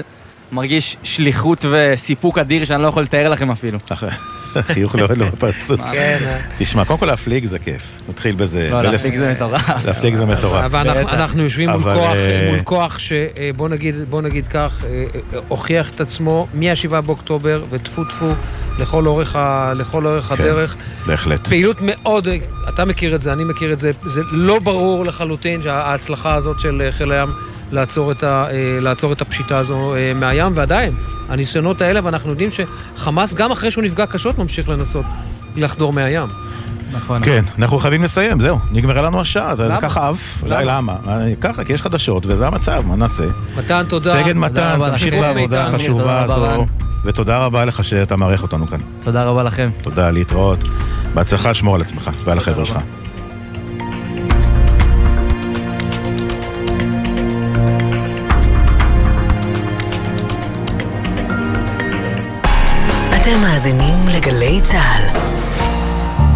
נתקלתם בנפלים או שברי ערות? לא נוגעים וכמובן לא מצלמים. מתרחקים, מרחיקים את הסובבים ומיד מדווחים למשטרת ישראל. הנחיות פיקוד העורף, מצילות חיים. אם נאלצתם לעזוב את ביתכם בימים קשים אלו, חשוב לנו להיות איתכם בקשר ולהגיע עם השירותים והסיוע הנדרשים עד עליכם. לכן, הקמנו את יחד, מערכת דיגיטלית מאובטחת. תוכלו לעדכן בה את מיקומכם ואף את הצרכים המיידיים שלכם בתחומי הבריאות, החינוך, הרווחה והקליטה, ובקרוב גם בתחומים נוספים. היכנסו ל-MyGov או ל-gov.il, מלאו שאלון קצר וספרו לנו היכן אתם ואיך נוכל לעזור. מתאחדים למענכם לסייע בכל מקום ובכל זמן. יחד ננצח. מגישים משרדי הממשלה. הבית או הרכוש שלכם ניזוקו במלחמה?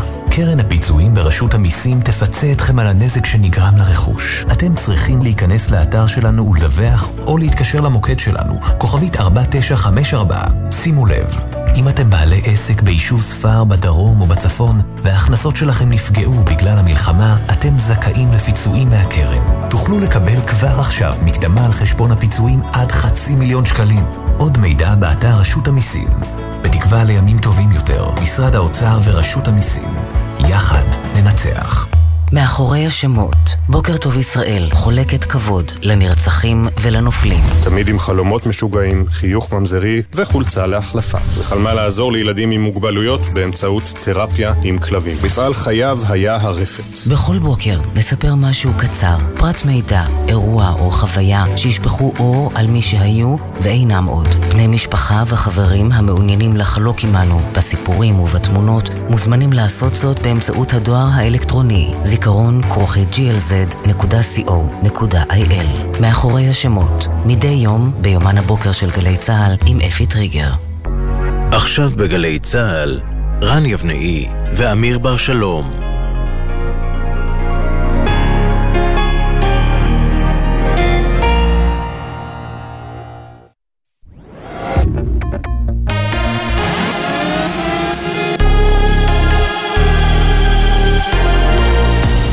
גלי צה"ל השעה חמש באולפן גוני כהן עם מה שקורה עכשיו.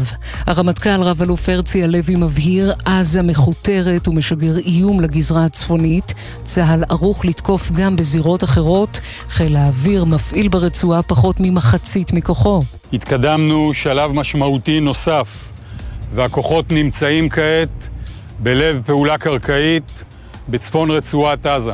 לוחמי צה"ל פועלים בימים האחרונים בעיר עזה, מכתרים אותם ממספר כיוונים, מעמיקים את הכניסה ואנחנו מעמיקים גם את ההישגים.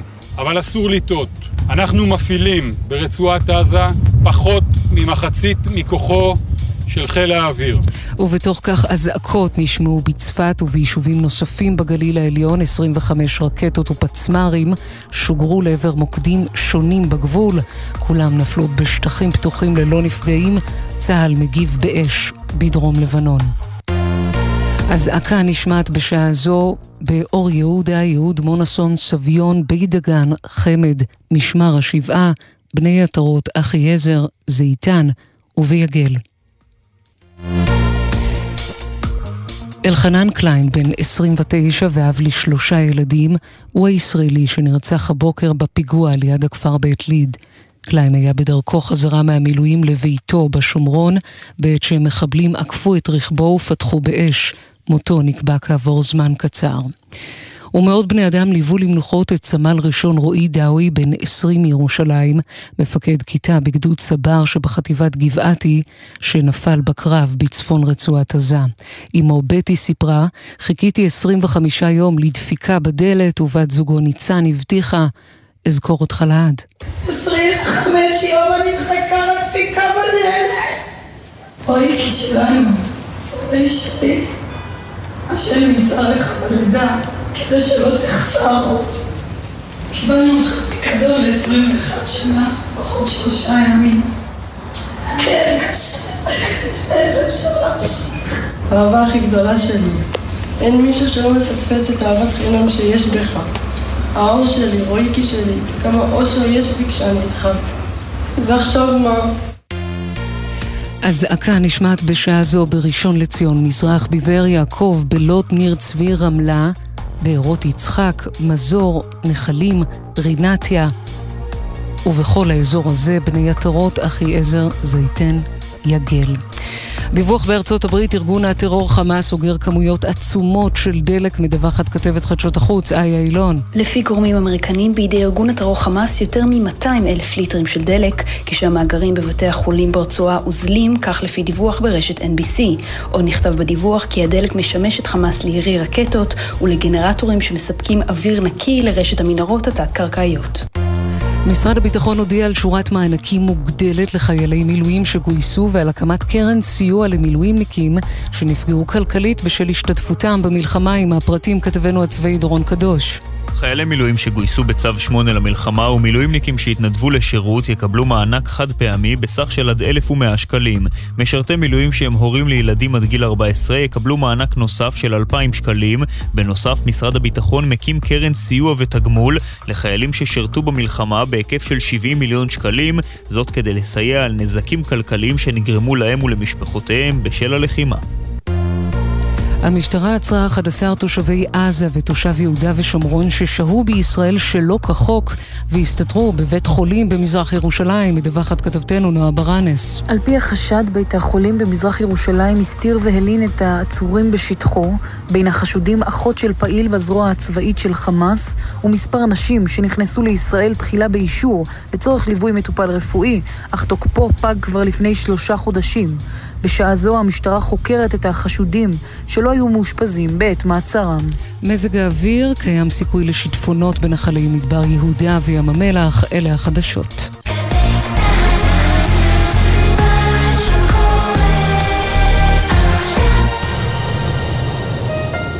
ישראל במלחמה, עכשיו בגלי צה"ל, רן יבנאי ואמיר בר שלום. כן, חזרנו אליכם אה, מבסיס אה, חיל הים אה, באשדוד. באמת שמענו כאן סיפורים מסמרי שיער על גבורה עילאית, כן. על גבורה, על בעצם הלחימה בתווך הימי. אתה יודע מה? נכנסנו, רן. מעטים מול רבים, אוקיי? בהפתעה מוחלטת, כמו שהיה בכל הדבר הזה.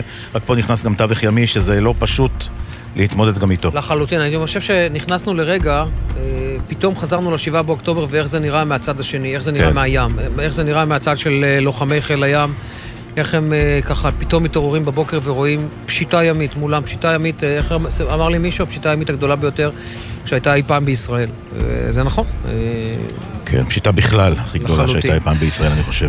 כן, תראה רן, קודם כל אנחנו רק נאמר, אנחנו נמצאים כאן באשדוד, ראינו את המטחים שלפני כמה דקות אה, דווח עליהם במהלך אה, מהדורת החדשות של השעה חמש, ראינו את ממש המטחים מולנו, מעלינו, ואת אה, המיירטים של כיפת ברזל יוצאים לעברם. תראה, אני את הבוקר הזה, רן, ביליתי אי שם. בוא נגיד כך, אי שם בעוטף... אתה לא יכול לומר. בעוטף עזה, לא, לא, כן, אני לא, לא, לא אסגיר את המקום, אבל ישבתי וככה שוחחתי עם כמה וכמה קצינים. אני יכול לומר לך דבר אחד, שמענו את זה, אני לא מגלה, כי שמענו את זה מרב אלוף הרצי הלוי קודם לכן, העיר עזה מכותרת. העיר עזה מכותרת, ואני חייב לומר לך, אה, אני, אה, העומק שאליו מגיעים הכוחות, אני לא זוכר, מעולם ישראל בכל אה, הפעולות שלה ברצועת עזה לא הגיעה לעומק, לעומק הזה בתוך הרצועה, ואני חושב שאפשר להבין את זה מהחיכוך המאוד מאוד גבוה של הכוחות. וכתוצאה מכך לצערנו הרב הנפגעים בצד, ה... בצד הישראלי. אה, ישראל שומרת בעניין הזה על עמימות. וכעיתונאי אני אומר את זה, אני אומר שאנחנו רוצים, לפ... אנחנו רוצים לפרסם כמה שיותר, אבל כישראלי אני אומר טוב שכך. יש ערפל קרב שנשאר אה, עדיין, וזה עושה... עושה טוב אולי אה, לקוחות כמה, ש... כמה שאפשר, לחלוטין, כן? לחלוטין, תראה רן, אני יכול לומר, ואני אלך כאן ככה, אני אהיה מאוד עדין.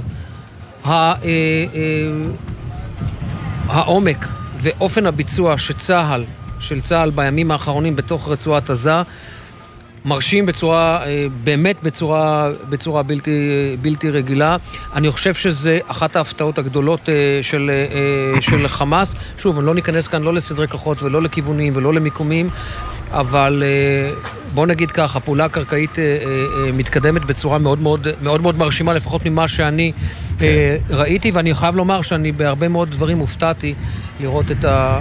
כן, מה, מה שאתם שומעים בברקע זה, זה בסיס מבצעי שיש בו כל הזמן עבודה. כן. עם לחמש מחדש את הכלים. הורדה של כלים למים, עלה, אנחנו ממש על ה... אנחנו על ה... אנחנו בין המנופים. אנחנו בין המנופים, נכון. אנה פיניס, כתבתנו בתל אביב, שלום לך. כן, שלום לשניכם. תוצאות המטח הגדול הזה. כן, עדיין לא ברור הפרטים המדויקים, אנחנו ככה יוצרים קשר עם הכוחות והצוותים שבשטח להבין. כן נגיד שהתקבלו מספר דיווחים ראשוניים ביותר על נפילות באזור המרכז, אנחנו מיד נחזור עם פרטים נוספים ככל שיהיו. באמת מטח כבד מאוד הגיע עד אזור השרון, כך שאזעקות נשמעו מהשפלה באזור ראשון לציון, באר יעקב, אה, בלוד, ברמלה, באזור התעשיית צריפין, אה, דרך באמת גוש דן, אה, ביהוד מונסון, בסביון, בחלק מאזורי גוש דן, כאן בתל אביב, איפה שאנחנו משדרים, לא נשמעה אזעקה ונשמעו היטב הדי הפיצוצים. האזעקות הגיעו באמת עד כפר קאסם, שכבר נחשב חלק ממרחב השרון. אנחנו הולכים על איזה שהם נפילות, אבל עדיין לא ברור אם מדובר באירועי אמת. יש עכשיו הרבה גם בהלה ופאניקה אחרי כל מסך כזה, אז אנחנו מיד יוצרים קשר עם הכוחות, אוספים פרטים נוספים, ונחזור עם עדכונים ככל שיהיו. יופי, מאה אחוז על הכיפאק. תודה רבה לך, חנה פינס, כתבתנו בתל אביב. נמצא איתנו עכשיו אלוף במילואים עמוס ידלין, לשעבר ראש אמ"ן, נשיא ומייסד מיין ישראל, שלום לך. שלום, ערב טוב. ערב טוב.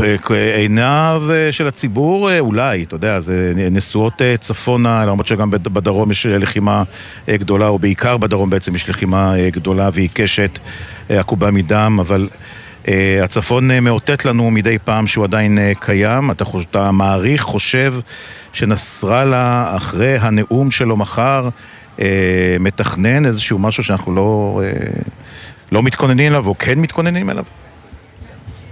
תראה, אנחנו אה, בודקים את נסראללה על פי הפעילות שלו ולא על פי הכוונות שלו. אנחנו אה, ראינו כבר איך אמ"ן והשב"כ טעו בנושא של סנואר ולכן אה, פיקוד צפון, חיל האוויר, צה"ל צריך להיות מוכן שנסראללה יעלה מדרגה. עכשיו, מתחילת האירוע הזה אנחנו במיינד ישראל הגדרנו שלוש דרגות של פעולה של נסראללה בדרגה הראשונה זו השתתפות אה, סמלית, תומכת, אה, אה, כדי שלא יגידו שהוא לא עשה כלום, וזה מה שראינו פחות או יותר אה, עד היום. אה, ראינו אה, ירי של מספר נ"טים אה, לטווחים של עד חמישה קילומטר, רקטות אה, גם כן אה, עשר, עשרים, לא מטחים גדולים מדי ויד חופשית לפלסטינים לחוליות טרור לחצות את הגדר. המדרגה השנייה היא מדרגה שבה נסראללה עולה ומשגר רקטות בינוניות, אולי טילים, לאזורים יותר עמוקים בישראל. 50 קילומטר, 60 קילומטר, עדיין לדעתי מטרות צבאיות. הוא עוד לא היה שם. אני לא uh, מכיר את המטח האחרון, אבל uh, צריך לראות לאן זה כוון, האם זה היה uh, פלסטינים או זה היה חיזבאללה. אין ספק שלנסראללה יש שתי בעיות. בעיה הראשונה זה שבמערכה הזאת של השלושה שבועות האחרונים הוא ספג מכה קשה. חוליות הנ"ט שלו uh, חוסלו או לפני הירי או אחרי הירי, ונסראללה שכל כך אוהב משוואות uh, נמצא בפיגור גדול. 55... וזה מסוכן, לא? עמוס. זה מסוכן מבחינת ישראל ברגע שהוא נמצא במגרעות, הוא יכול להגיע, אתה יודע, לתעוזת יתר. כן, והדבר השני זה שהוא התחייב שישראל נכנסת לעזה, אז הוא, הוא הצטרף ללחימה. עכשיו, לא זה קרה, אה, ישראל נכנסה בצורה מאוד אה, מתוחכמת ותחבולנית לעזה, בלי מסיבת עיתונאים של ראש הממשלה או שר הביטחון, בלי כתבים שנלוו בשטח, האינטרנט בעזה נפל, ובעצם נסראללה היה כמה ימים ב... יחד עם סנואר בערפל קרב. עכשיו, לקראת יום שישי, אה, בזמן שאנחנו מדברים, הוא כנראה עושה התייעצות. האם לעלות מאותה מערכה בצפון הארץ שבה הוא לא כל כך מצליח לעלות מדרגה, והאם אה, עכשיו שכבר ברור והרמטכ"ל אמר שצה"ל מקטר את עזה, האם הוא אה, עכשיו צריך לעמוד בהבטחה שלו? אני כמה תשובות, חושב... כמה, כמה תשובות יש לצה"ל אה, למכה איזושהי של אה, נסראללה, שבאמת, כמו שאתה אומר, אולי רוצה להגדיל את הטווח לטווחים אה, אה, יותר אה, גדולים, 50-60 קילומטר לעומק ישראל? לצה"ל יש תשובות אה, טובות מאוד. למדינת ישראל יש מערכת הגנה אווירית אה, מפני טילים ורקטות הכי טובה בעולם. אני רק אעצור אותך לשנייה, האלוף, ידלין, האזעקות שאתם שומעים ברקע, האם אתם שומעים, אלה, אלה, לא, אלה לא אזעקות אה, אמת, זה אזעקה כאן פנימית של הבסיס למשהו אחר, בבקשה תמשיך. אה, אני אומר שלמדינת ישראל יש אה, מערכת הגנה מטילים ורקטות הכי טובה בעולם. שילוב של מערכות רב-שכבתיות, כיפת ברזל, קלע דוד, חץ, כמו שראינו מול הטיל התימני, ומדינת ישראל תדע לעצור את, את המכה הזאת, אם כי לא בצורה הרמטית. אף פעם אין עצירה הרמטית, אבל יכול להיות שנסראללה יירה ורוב הדברים לא יגיעו, רוב המלאך לא יגיע למטרה. ואז הוא מסתכן בתגובה ישראלית. אה, על הקו, אה, הוא לא יכול להפתיע כבר, אותו כוח רדואן שרצה לעשות משהו דומה למה שהחמאס עשה בדרום, עומדים מולו כוחות ישראליים משמעותיים, היישובים ברובם צמודי הגדר, אין בהם אנשים, ולכן הסיכוי של נסראללה להפתיע הוא נמוך. אנחנו גם אומרים שאם הוא יפתיע, אנחנו אה, בפיקוד הצפון, בחיל האוויר, בצה"ל, מוכנים להפתעה הזאת, ומזכירים לנסראללה שביירות יכולה להיראות כמו עזה, והמודיעין של, אה, של צה"ל הוא מצוין, על רוב האתרים של נסראללה שנמצאים בסביבות שיעיות, ואם נסראללה דואג לביירות ודואג לעדה השיעית, הוא צריך לחשוב פעמיים. כן, אבל אתה יודע, בעניין הזה, אה, עמוס, ואתה דיברת על כך שאתה אה, אותתן מדרגות. אה, המדרגות והמשוואות של נסראללה. אז עד עכשיו אפשר לומר, פחות או יותר, אולי עד אחר הצהריים, אנחנו היינו פחות או יותר באזור קו המגע בגבול. הירי האחרון, אגב, היה לכיוון צפת. מירון, צפת, צפת, ביריה, מירון, הרבה יותר, הוא הרבה יותר עמוק. השאלה היא, איך צריכה להיראות לדעתך התגובה הישראלית, אם וכאשר... נסראללה מעלה קליק אחד בתגובה שלו. האם אנחנו צריכים להעלות שניים בתגובה לא פרופורציונית כדי להעביר מסר? או להמשיך להגיד, אנחנו, אנחנו מנסים כל הזמן לגדר... לשמר אותו על אש קטנה. בדיוק, לגדר את חילופי המהלומות האלה. תראה, אני חושב שפיקוד צפון הוא במגננה, אבל במגננה אקטיבית ולא סימטרית. אה, נסראללה שילם על כל דבר שהוא עשה אה, תשלום גבוה יותר. כאשר הוא עלה עכשיו באמת לטווחים יותר רחוקים, וכנראה גם בהיקף יותר גדול של ירי, זה ברור אם ככה שזה לא פלסטיני. אה, אנחנו צריכים על זה להגיב, כמו שהגבנו, אה, על הירי נ"ט ביישובים. אני חושב שגם נסראללה וגם אנחנו ברגע הזה לא רוצים מלחמה בהיקף מלא. אבל בניגוד לזה שאתה נמצא במדרגה ראשונה, כשעלית למדרגה שנייה, כבר מאוד תלוי מה תוצאות התקיפה או של נסראללה או שלנו. אם לא היו נפגעים, התגובה יכולה להיות יותר מתונה, אם היו נפגעים, התגובה כנראה תהיה יותר משמעותית, ואותו דבר מהכיוון השני. זאת אומרת, אם אנחנו... מה להערכתך, מה להערכתך נסראללה הולך לספר לנו מחר?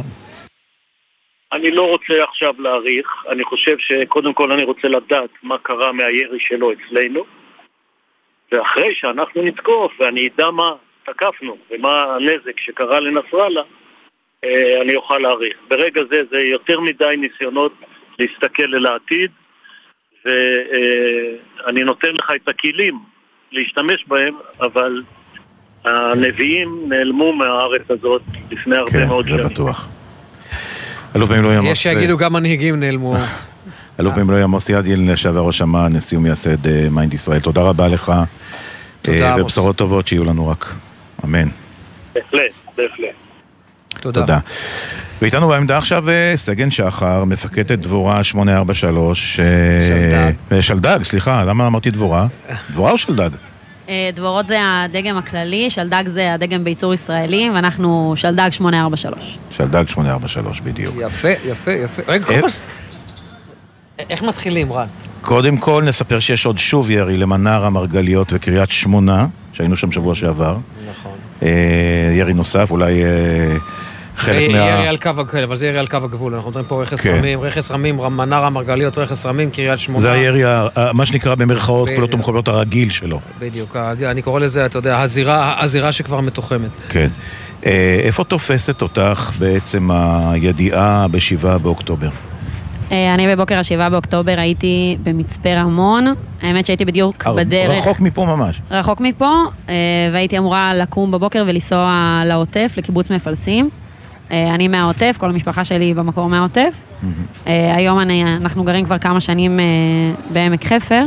באותו בוקר היינו אמורים לעשות ארוחה משפחתית, חגיגות יום הולדת לחודש אוקטובר.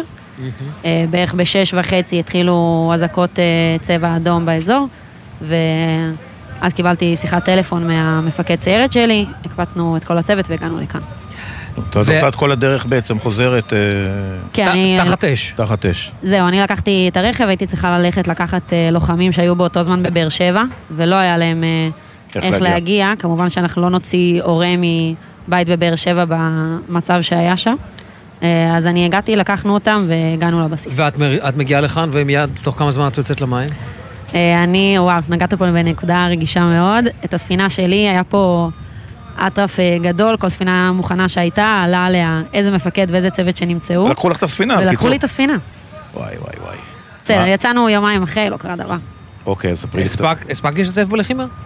אה, אנחנו הגענו לסבב שני, הספינה שלי ביחד עם הלוחמים שלי הייתה בשבת אה, בבוקר, באמת ב- בגל הראשון, הורידה שבעה מחבלים שהחיפו על החוף. לנו יצא לקחת חלק באירוע שהיה לפני כמה ימים, בעליית צוללנים על חוף זיקים. אותו אירוע שניסו אה, להגיע דרך הים. כן. בעצם בסלילה.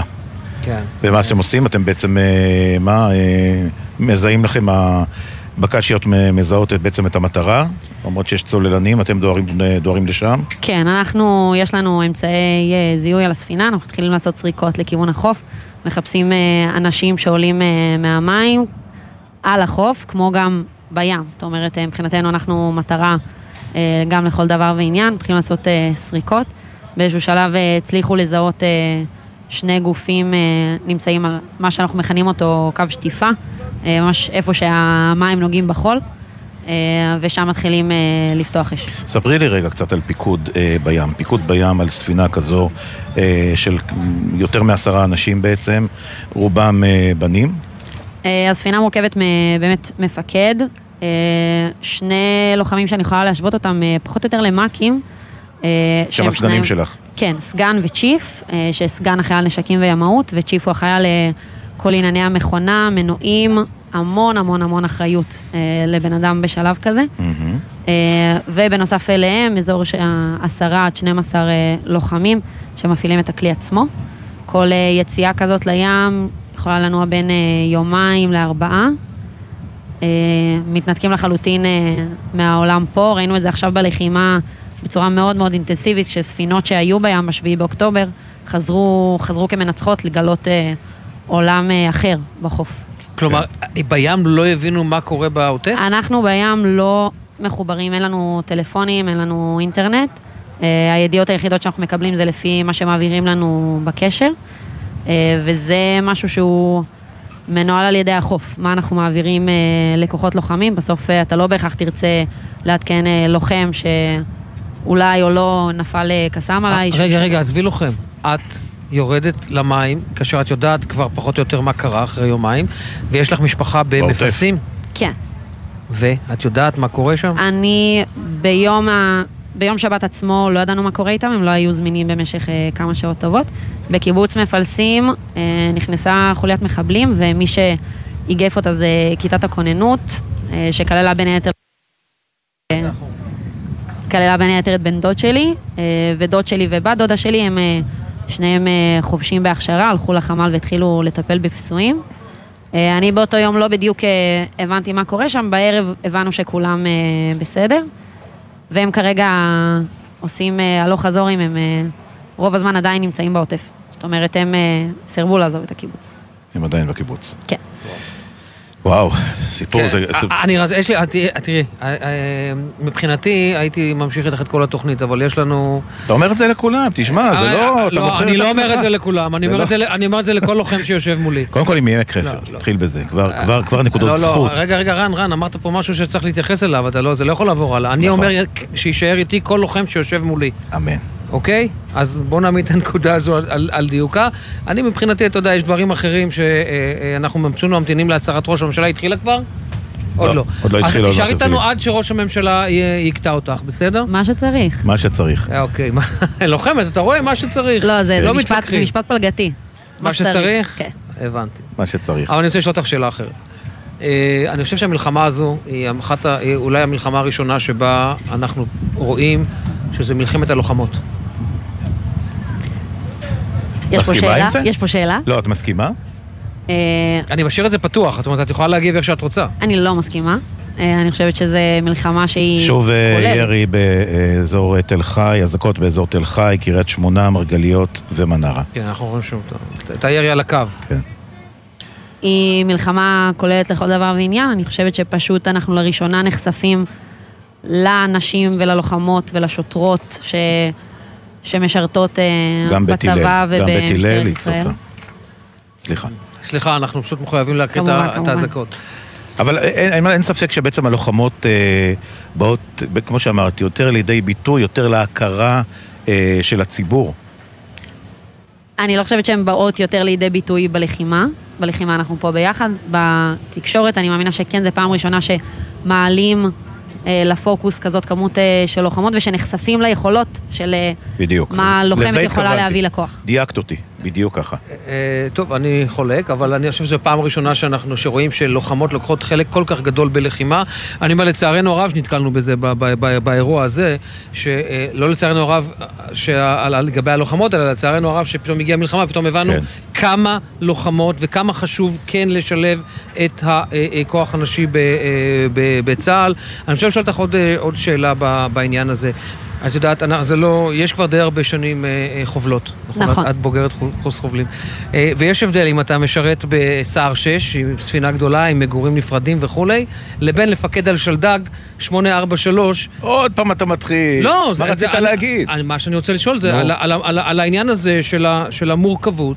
של צוות, של צוות אה, אה, אה, אה, קטן מאוד. אבל היא המפקדת בים. נכון, בדיוק בגלל זה. זה אוקיי, רוצה אז. אני, אני אגיד, כשאני סיימתי קורס חובלים, לקחו אותנו לשר 6 לעשות כתבה על הנשים שמסיימות, ואני סירבתי להצטלם על הספינה, כי אמרתי, אני לא משרתת פה, לי אין את השירותים הפרטיים האלה, ואת לא תצלמי אותי כאן. הבנת למה שאלתי? אני, יודע, אבל, אני אה, מכיר את הסיפור.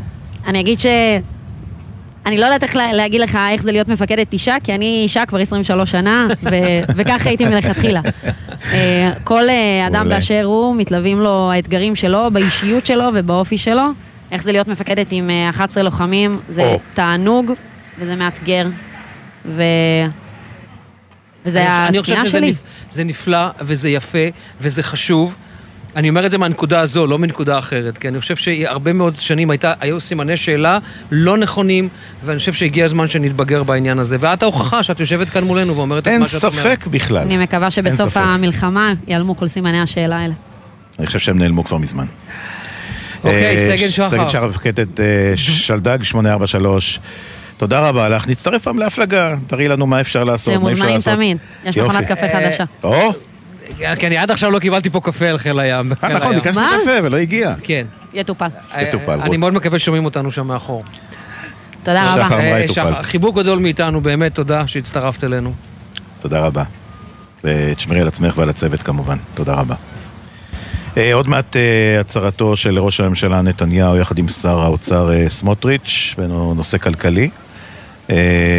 בינתיים, כמו שאתה מבין, נפנה לכתבנו דורון קדוש, עדכון על האזעקות אה, בצפון אה, וגם במרכז. שלום לך, כתבנו לענייני צבא וביטחון. כן, שלום לכם, שלום רן. אז תראו, אה, גם בדקות האחרונות, שוב אזעקות בתל חי, קריית שמונה, בית הלל, זה כבר המטח החמישי לאזור הצפון אה, במהלך השעות האחרונות. אנחנו יכולים להגיד שמדובר על עשרות שיגורים שבוצעו היום לעבר האזור הזה, כולל לאזורים יותר פנימיים, יותר מרוחקים בצפון, כמו שראינו מקודם, צפת, ביריה, האזור הזה של הגליל העליון. אה, עד כמה שאני זוכר ומצליח אה, להבין בשלב הזה, זה היקפי השיגורים, הרקטים, לעבר יישובי הצפון, בהיקף הנרחב ביותר שראינו מתחילת המלחמה. כאמור, חמישה מטחים שונים שכוללים עשרות שיגורים. אה, נגיד שצה"ל תוקף בשעה הזו בדרום לבנון, אנחנו מדווחים על תקיפות נרחבות, גם בלבנון הם אה, מדווחים על כך שמדובר על היקף תקיפות חריג ונרחב ביחס למה שראינו בשבועות האחרונים, תקיפות באזור אל-חיאם, באזור כפר קילה, אנחנו יכולים להגיד שמדובר על אה, יעדים של חיזבאללה כמובן, אה, לא משנה מי אה, בסופו של דבר מבצע את המטחים האלה, אנחנו עדיין לא יודעים בשלב הזה האם זה חיזבאללה, האם זה חוליות פלסטיניות, אבל זה לא באמת משנה. בצה"ל רואים בחיזבאללה כאחראי למה שקורה כרגע בגבול לבנון, לכל שיגור, לכל טיל נ"ט, גם אם המבצע הוא חוליה פלסטינית, ולכן התקיפה כרגע מתמקדת ביעדים של חיזבאללה. תודה דורון, אה, שים לב רן, אבל בינתיים אין אה, תקיפות מצפון לאוואלי, וזה למרות שחיזבאללה כן הרחיב את, אה, את הירי שלו, וזה יהיה מעניין לראות, שמענו את עמוס, את האלוף... זה מוגדר בקליק? זה, אני שואל שאלה באמת כן, כאילו מקצועית, כן. זה מוגדר בעוד קליק? כן. זה מוגדר אותי. כן, כן. עובד, צה"ל לא רוצה בשלב הזה להרחיב את, את התקיפות שלו, אבל שוב, צריך לראות איך יגיבו, איך הם יגיבו לירי הזה, שהוא ירי הוא קצת יותר רחוק מקו הגבול, כמו שראינו עד עכשיו, ובינתיים, בכל פעם שחיזבאללה אתגר עם מל"ט כזה או אחר, ישראל לא ממש אה, תקפה בעומק אה, מעבר לכך, אבל אה, שוב, אנחנו נצטרך להמתין ולראות. אנחנו... בינתיים התגובה היא, הייתי קורא לזה רפלקס מותנה. כן. טוב, נצא להפסקה קצרה ונחזור.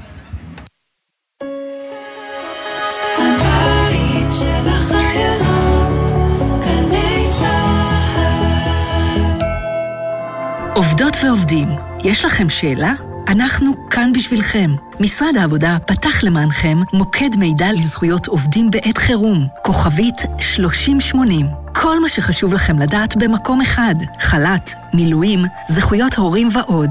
כוכבית 3080, מוקד זכויות עובדים בחירום, משרד העבודה. יחד ננצח. מוקד החירום של ההסתדרות פתוח לכלל הציבור, ונציגי המוקד מחכים לכם על הקו כדי לסייע לכם. אם פוניתם מביתכם, אם אתם זקוקים לסיוע נפשי, ובכל שאלה על זכויות עובדים בזמן מלחמה, המוקד עומד לרשותכם. לפרטים, התקשרו אלינו, כוכבית 2383, ההסתדרות, הבית של העובדות והעובדים בישראל. אזרחים ותיקים, מוקד החירום לסיוע בנושאים חיוניים פועל למענכם 24 שעות ביממה. התקשרו כוכבית 8840. יחד ננצח. משרד הנגב, הגליל והחוסן הלאומי. סוף השבוע הוא הזדמנות להפוגה מהחדשות, לשמוע גם משהו שיעשה לכם טוב על הלב. מחר, אודיה ונתן, דני רובס, דוד פרץ, ליאור פרידמן והדוקטור רות קלדרון, עם מוזיקה ותובנות משותפות, אוגרים כוחות לשבוע חדש. גלי צה"ל, פה איתכם, כל מקום, כל הזמן. עכשיו בגלי צה"ל, רן יבנאי ואמיר בר שלום.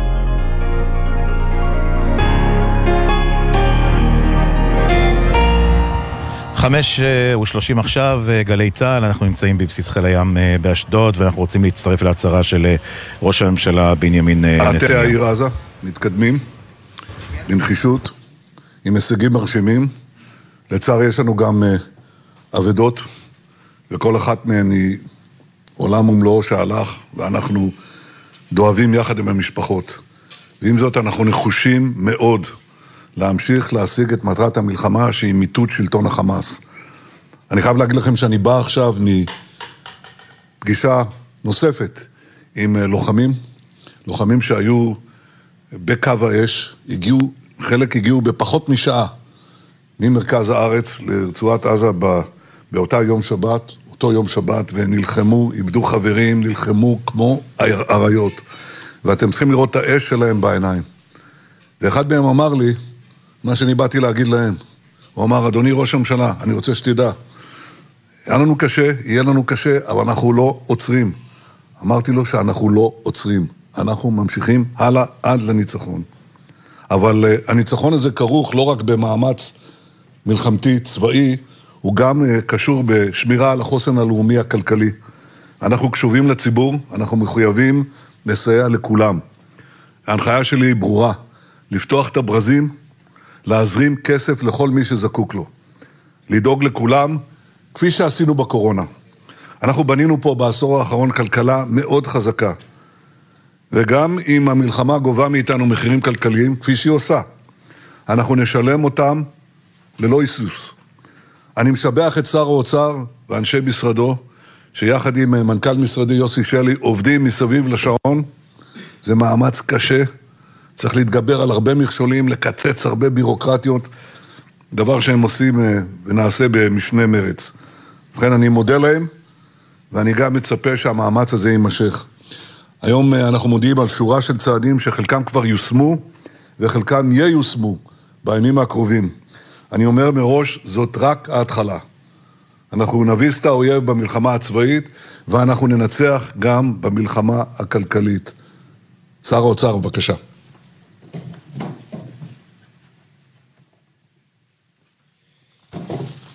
טוב, תודה רבה לראש הממשלה.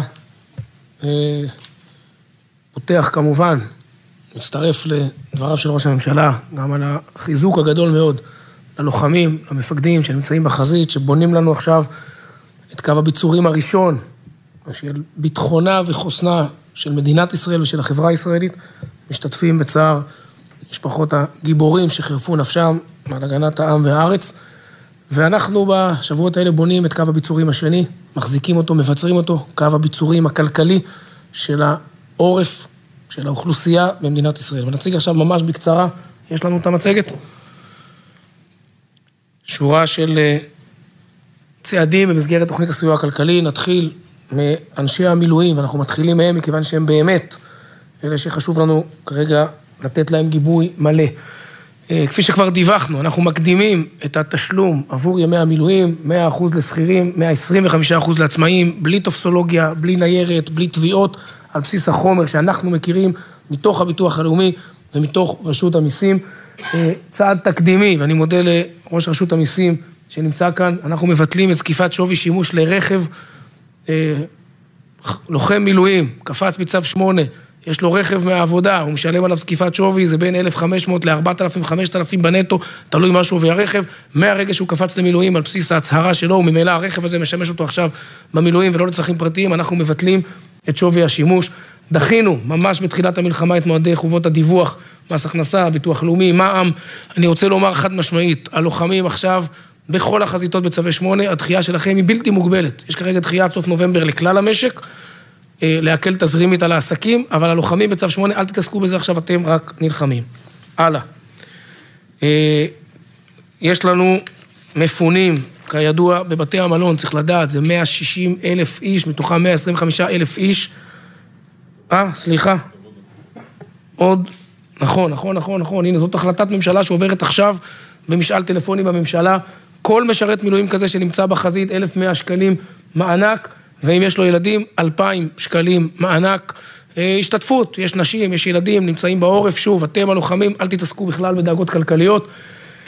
זה דבר שמדברים עליו שנים, ואנחנו עושים אותו עכשיו, החקיקה הזאת תבוא לכנסת בעזרת השם כבר ביום ראשון, מעלים את התשלום המינימלי ליום מילואים, זה נכון לסטודנטים, למי שלא עובד, זה נכון למי שעובד בשכר נמוך, מ-215 ל-300 שקל ליום, זה אומר כמעט עשרת אלפים שקלים בחודש, זה התשלום המינימלי לכל לוחמי המילואים, זה דורש חקיקה, אנחנו מביאים את זה כבר בתחילת שבוע אה, לכנסת.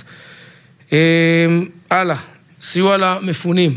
אז התחלתי קודם לומר, אה, ואתם תראו בשקף הבא, מיליארד וחצי שקלים בחודש, אה, כ-160 אלף איש, מתוכם 125 אלף איש בבתי מלון, וכמובן, אה, המפונים האלה, וזה אני אומר להם בצורה חד משמעית, מקבלים 100 אחוז מהשכר שהם היו אמורים לקבל, לו הם היו עובדים.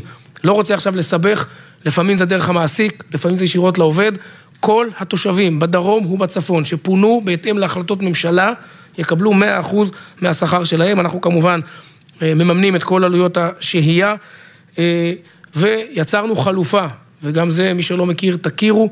אלה שזכאים לפינוי באותן החלטות ממשלה יכולים במקום להתפנות למלון, להתפנות לקרובי משפחה, לדירה במקום אחר ולקבל כסף מזומן שיועבר דרך הביטוח הלאומי במהלך חודש נובמבר, 200 שקלים למבוגר, 100 שקלים לילד ליום, רק כדי לסבר את האוזן, זוג עם שני ילדים, 18 אלף שקלים נטו, אין מיסים, אין עלויות, אה, חלף פינוי.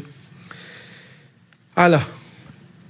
סיוע לעסקים, אז פה אני רוצה לחלק, יש לנו מה שנקרא קווי עימות 0 עד 7 בדרום, 0 עד 9 בצפון, ופה יש כמובן שיפוי מלא כולל מקדמות, ואני אומר שיפוי מלא, זה אובדן הכנסה, זה אובדן רווח, יש לכם רשת ביטחון מלאה ממדינת ישראל, ושוב, כולל מניעת רווח על נזק עתידי.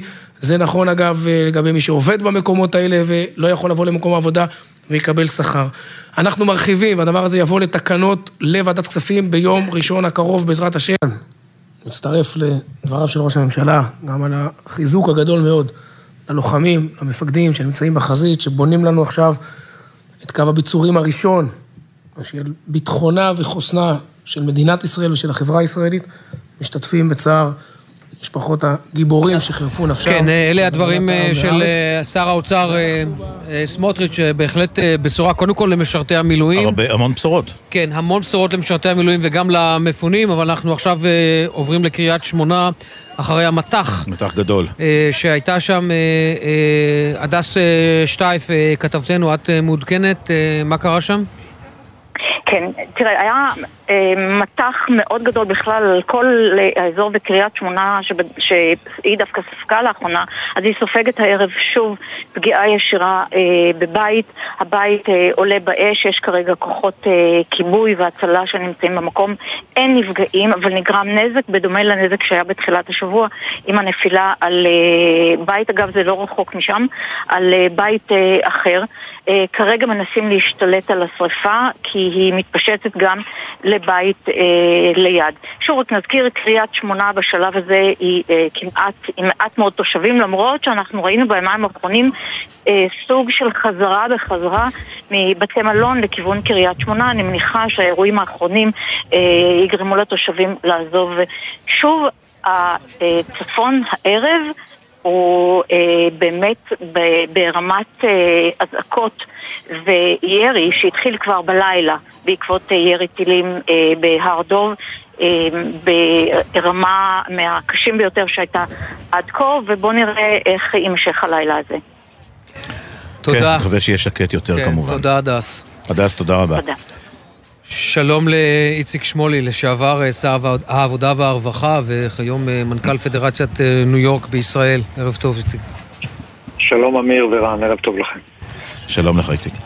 אז אה, איציק, אנחנו אה, רוצים לשוחח איתך על, אה, בוא נגיד ככה, ההתגייסות של הקהילה היהודית בניו יורק לטובת שיקום העוטף. אני מודה שאני שמעתי את הסכום שגייסתם, אני בדקתי פעמיים האם הסכום הזה נכון, אז בואו נחזור עליו. מאה, כמה זה? כמה זה? 120 מיליון דולר? אנחנו כבר על אה, 150 מיליון דולר, אמיר, בשבועיים, בערך 700-800 מיליון שקל, ואנחנו לא עוצרים. הקהילה הזאת היא קהילה מדהימה, שאיך שהמשבר הזה משבר, איך שהמלחמה הזאת אה, נפלה עלינו, אותה שבת איומה, התגייסה בכל הכוח, גם בתחזוק של אה, בעצם אה, התמיכה הפוליטית שמגיעה מהבית הלבן, מכל הממשל האמריקאי.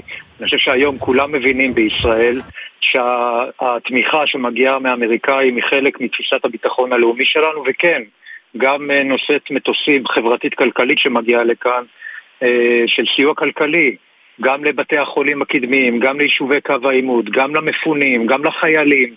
אנחנו אומרים באמירה מאוד מאוד ברורה, בכל מקום שניסו לפגוע בנו, אנחנו נהיה כדי לתמוך ולחזק. הייתי היום בבארי, הייתי שלשום בגליל העליון, במטולה, סליחה, בקריית שמונה, במבואות חרמון, בכל מקום אנחנו משתדלים להגיע ולתת מענה לבעיות הדחופות.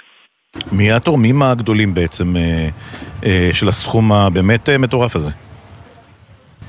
תראו, יש אה, בעצם אה, 70 או 80 אלף אה, תורמים לפדרציה, גם תורמים סטודנטים של אה, חמישה דולר וגם תורמים גדולים שמחזיקים את האליטה הכלכלית של ניו יורק של אה, עשרה מיליון דולר, ומה שיפה זה כגרוף ברזל, גם הקהילה היהודית אה, בניו יורק ובכל אמריקה מבינה שיש כאן אה, מלחמה על הבית, וכשיש מלחמה על הבית הלאומי של העם היהודי, אז היא, מתייצב, היא באה ומתייצבת בכל הכוח.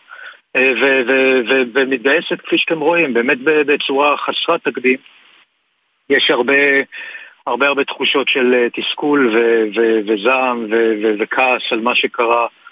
ואת הדבר הזה מנסים לתעל לתוך אה, עשייה בלתי פוסקת, גם בתוך הקמפוסים בארצות הברית, שזו דרמה גדולה מה שקורה שם, גם בבית הלבן ובאמת בממשל הפדרלי, וגם כאן בישראל, כמו שאמרתי, באמת באמת, מהגולן והחרמון ועד אילת, כל יום אנחנו יוצאים למקום אחר, מעבירים סיוע חירום לכל ארגון וכל מוסד אפשרי שאתם יכולים לחשוב עליו, ו- ומנסים לעשות ככל יכולתנו לתמוך בעורף הישראלי ובעיקר בחיילי צה"ל המדהימים שהייתי איתם היום הרבה מאוד זמן ואני אומר לכם, איזו גאווה יש לנו שיש לנו חיילים כאלה. איזו גאווה. איזו גאווה. את חלקם, אנחנו, את חלקם אנחנו רואים כאן אה, מולנו, לוחמי אה, חיל הים, זו בהחלט אה, גאווה, אנשים צנועים שעשו, עושים, יעשו עוד כל כך הרבה, אה, גם לוחמים וכמובן לוחמות אה, על כלים אה, אימתניים שמתפעילים אותם אה, מדהים. אני רוצה לשאול את, אה, איציק רגע, אה, תראה, זה סכום מאוד מאוד מאוד אה, גדול. אתה באמת, אה, אתה חושב שהרוח הגבית באמת מהממשל האמריקני סייעה לתורמים, לתרומות האלה? תראה, אני חושב שזה... הדברים קשורים זה בזה, כי הקהילה היהודית אה, בניו יורק עשתה באמת הרבה מאוד, אה, פועלת הרבה מאוד כדי לא רק אה, להשיג את אותה תמיכה, אלא גם לתחזק אותה ולהגדיל אותה, ואתה יודע, לא שהנשיא ביידן שמגדיר את עצמו ציוני היה צריך יותר מדי חיזוקים, אבל זה עבודה באמת לתוך כל הפוליטיקה האמריקאית. אה, ו- וימשיכו לעשות את זה, אז, אז אה, אתה יודע, זה בסוף נובע אה, מתוך תחושת ייעוד משותפת ותחושת גורל משותפת. אני אומר לכם, הפילנטרופיה עושה דברים מדהימים, היא בגיוסים חסרי תקדים כדי לתמוך בישראל. אני אה, חייב, וזה איציק, סליחה שאני... לאורך- לאורך- אני חייב לעצור אותך שנייה, אני רוצה, אני רוצה לרדת את זה, בוא נרד את זה רגע לגובה העיניים. ממש, אתה יודע, מה, אתה מרים טלפון לאיש עסקים כזה ואחר, אתה אומר לו, זמן מצוות? אתה יודע, אני אפילו אומר לא צריך לעשות את זה, אנשים מבינים מה קורה, אנשים ראו את ה... את ה, את ה, היום הסתובבתי בשבילי בארי, יש לי שם חברים רבים, רבים מהם נחטפו, נרצחו, והמקום הזה שהיה גן עדן הפך להיות אה, גיא של, של מוות ותופת, ואנשים לא צריכים הסברים, הם יודעים בדיוק מה קרה, הם יודעים איך קטלו שם חיים של ילדים, של ניצולי שואה, איך נחטפו אנשים. אז לא נדרש אה, שום מאמץ מיוחד אה, מצידי, כי הלב נפתח ומתרחב כאשר רואים את התמונות ושומעים את הזוועות. וכן, אנחנו מתגייסים כולנו כדי לעודד את המגמה הזאת, אבל הלב החם של הרבה מאוד אה, ישראלים והרבה מאוד יהודים, אתה יודע, הוא פועל על אוטומט, וזה נדרש גם לאור העובדה, אתם יודעים שבשלושה שבועות האחרונים, לפחות בחלק מהאזורים, ואני שמח על האמירה של שר האוצר ועל הבשורות הרבות, התקשתה להיכנס לתוך האירוע. הזכרתם את קריית שמונה. אה, קריית שמונה לא מקבלת היום מספיק אה, סיוע. התושבים של קריית שמונה פוזרו ב-180 מלונות. שימו את עצמכם עכשיו בנעליים של אביחי שטרן, ראש העיר. איך הוא יכול דיברנו איתו שבוע שעבר, תשמע. לו ב-180? ב- בדיוק את השאלה הזאת שאלנו אותו, איך, איך אתה מנהל עיר עם, 100, עם 180, 180 אה, ערים שונות קטנות?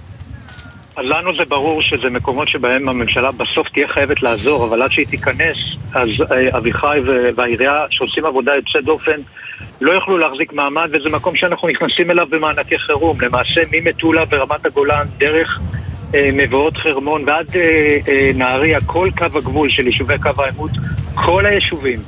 כל היישובים קיבלו מאיתנו מענקי חירום להתגננות והצטיידות להעמיד את כיתות הכוננות שלהם.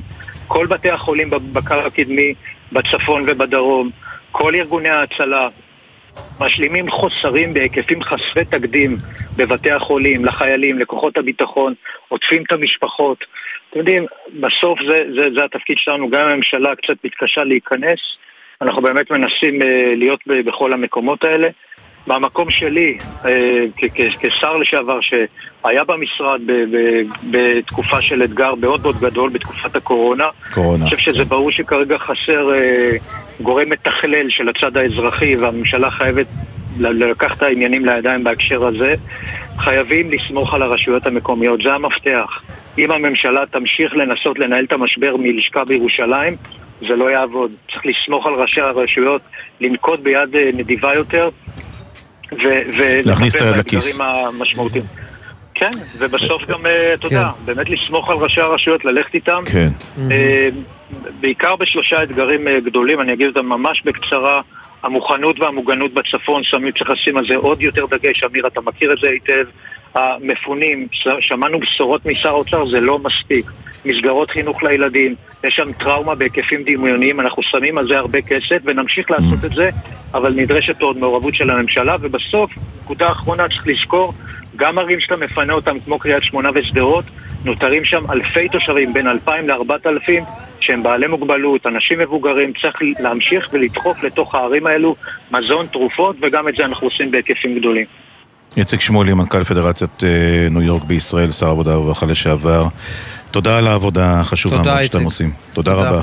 תודה לכם, עם ישראל חי, תודה רבה. אמן. עם ישראל חי, בהחלט. ומולנו אנחנו נזכיר, אנחנו אה, בבסיס חיל הים אה, באשדוד, אה, יושבת איתנו אה, סגן משנה אה, סג"ם רוני, קשל"טית, היא הייתה במשמרת ב-7 באוקטובר, היום הארור הזה, השבת אה, השחורה. אה, ספרי לנו, שלום רוני. שלום. קודם מה- כל, אנחנו, מה- מה מה הנוהג שלנו? בת קפה. כמה ו- בת כמה שלא ומאיפה? לא קרה עדיין. בת כמה ומאיפה, לפני שנגיע ל- ל- ליום הזה.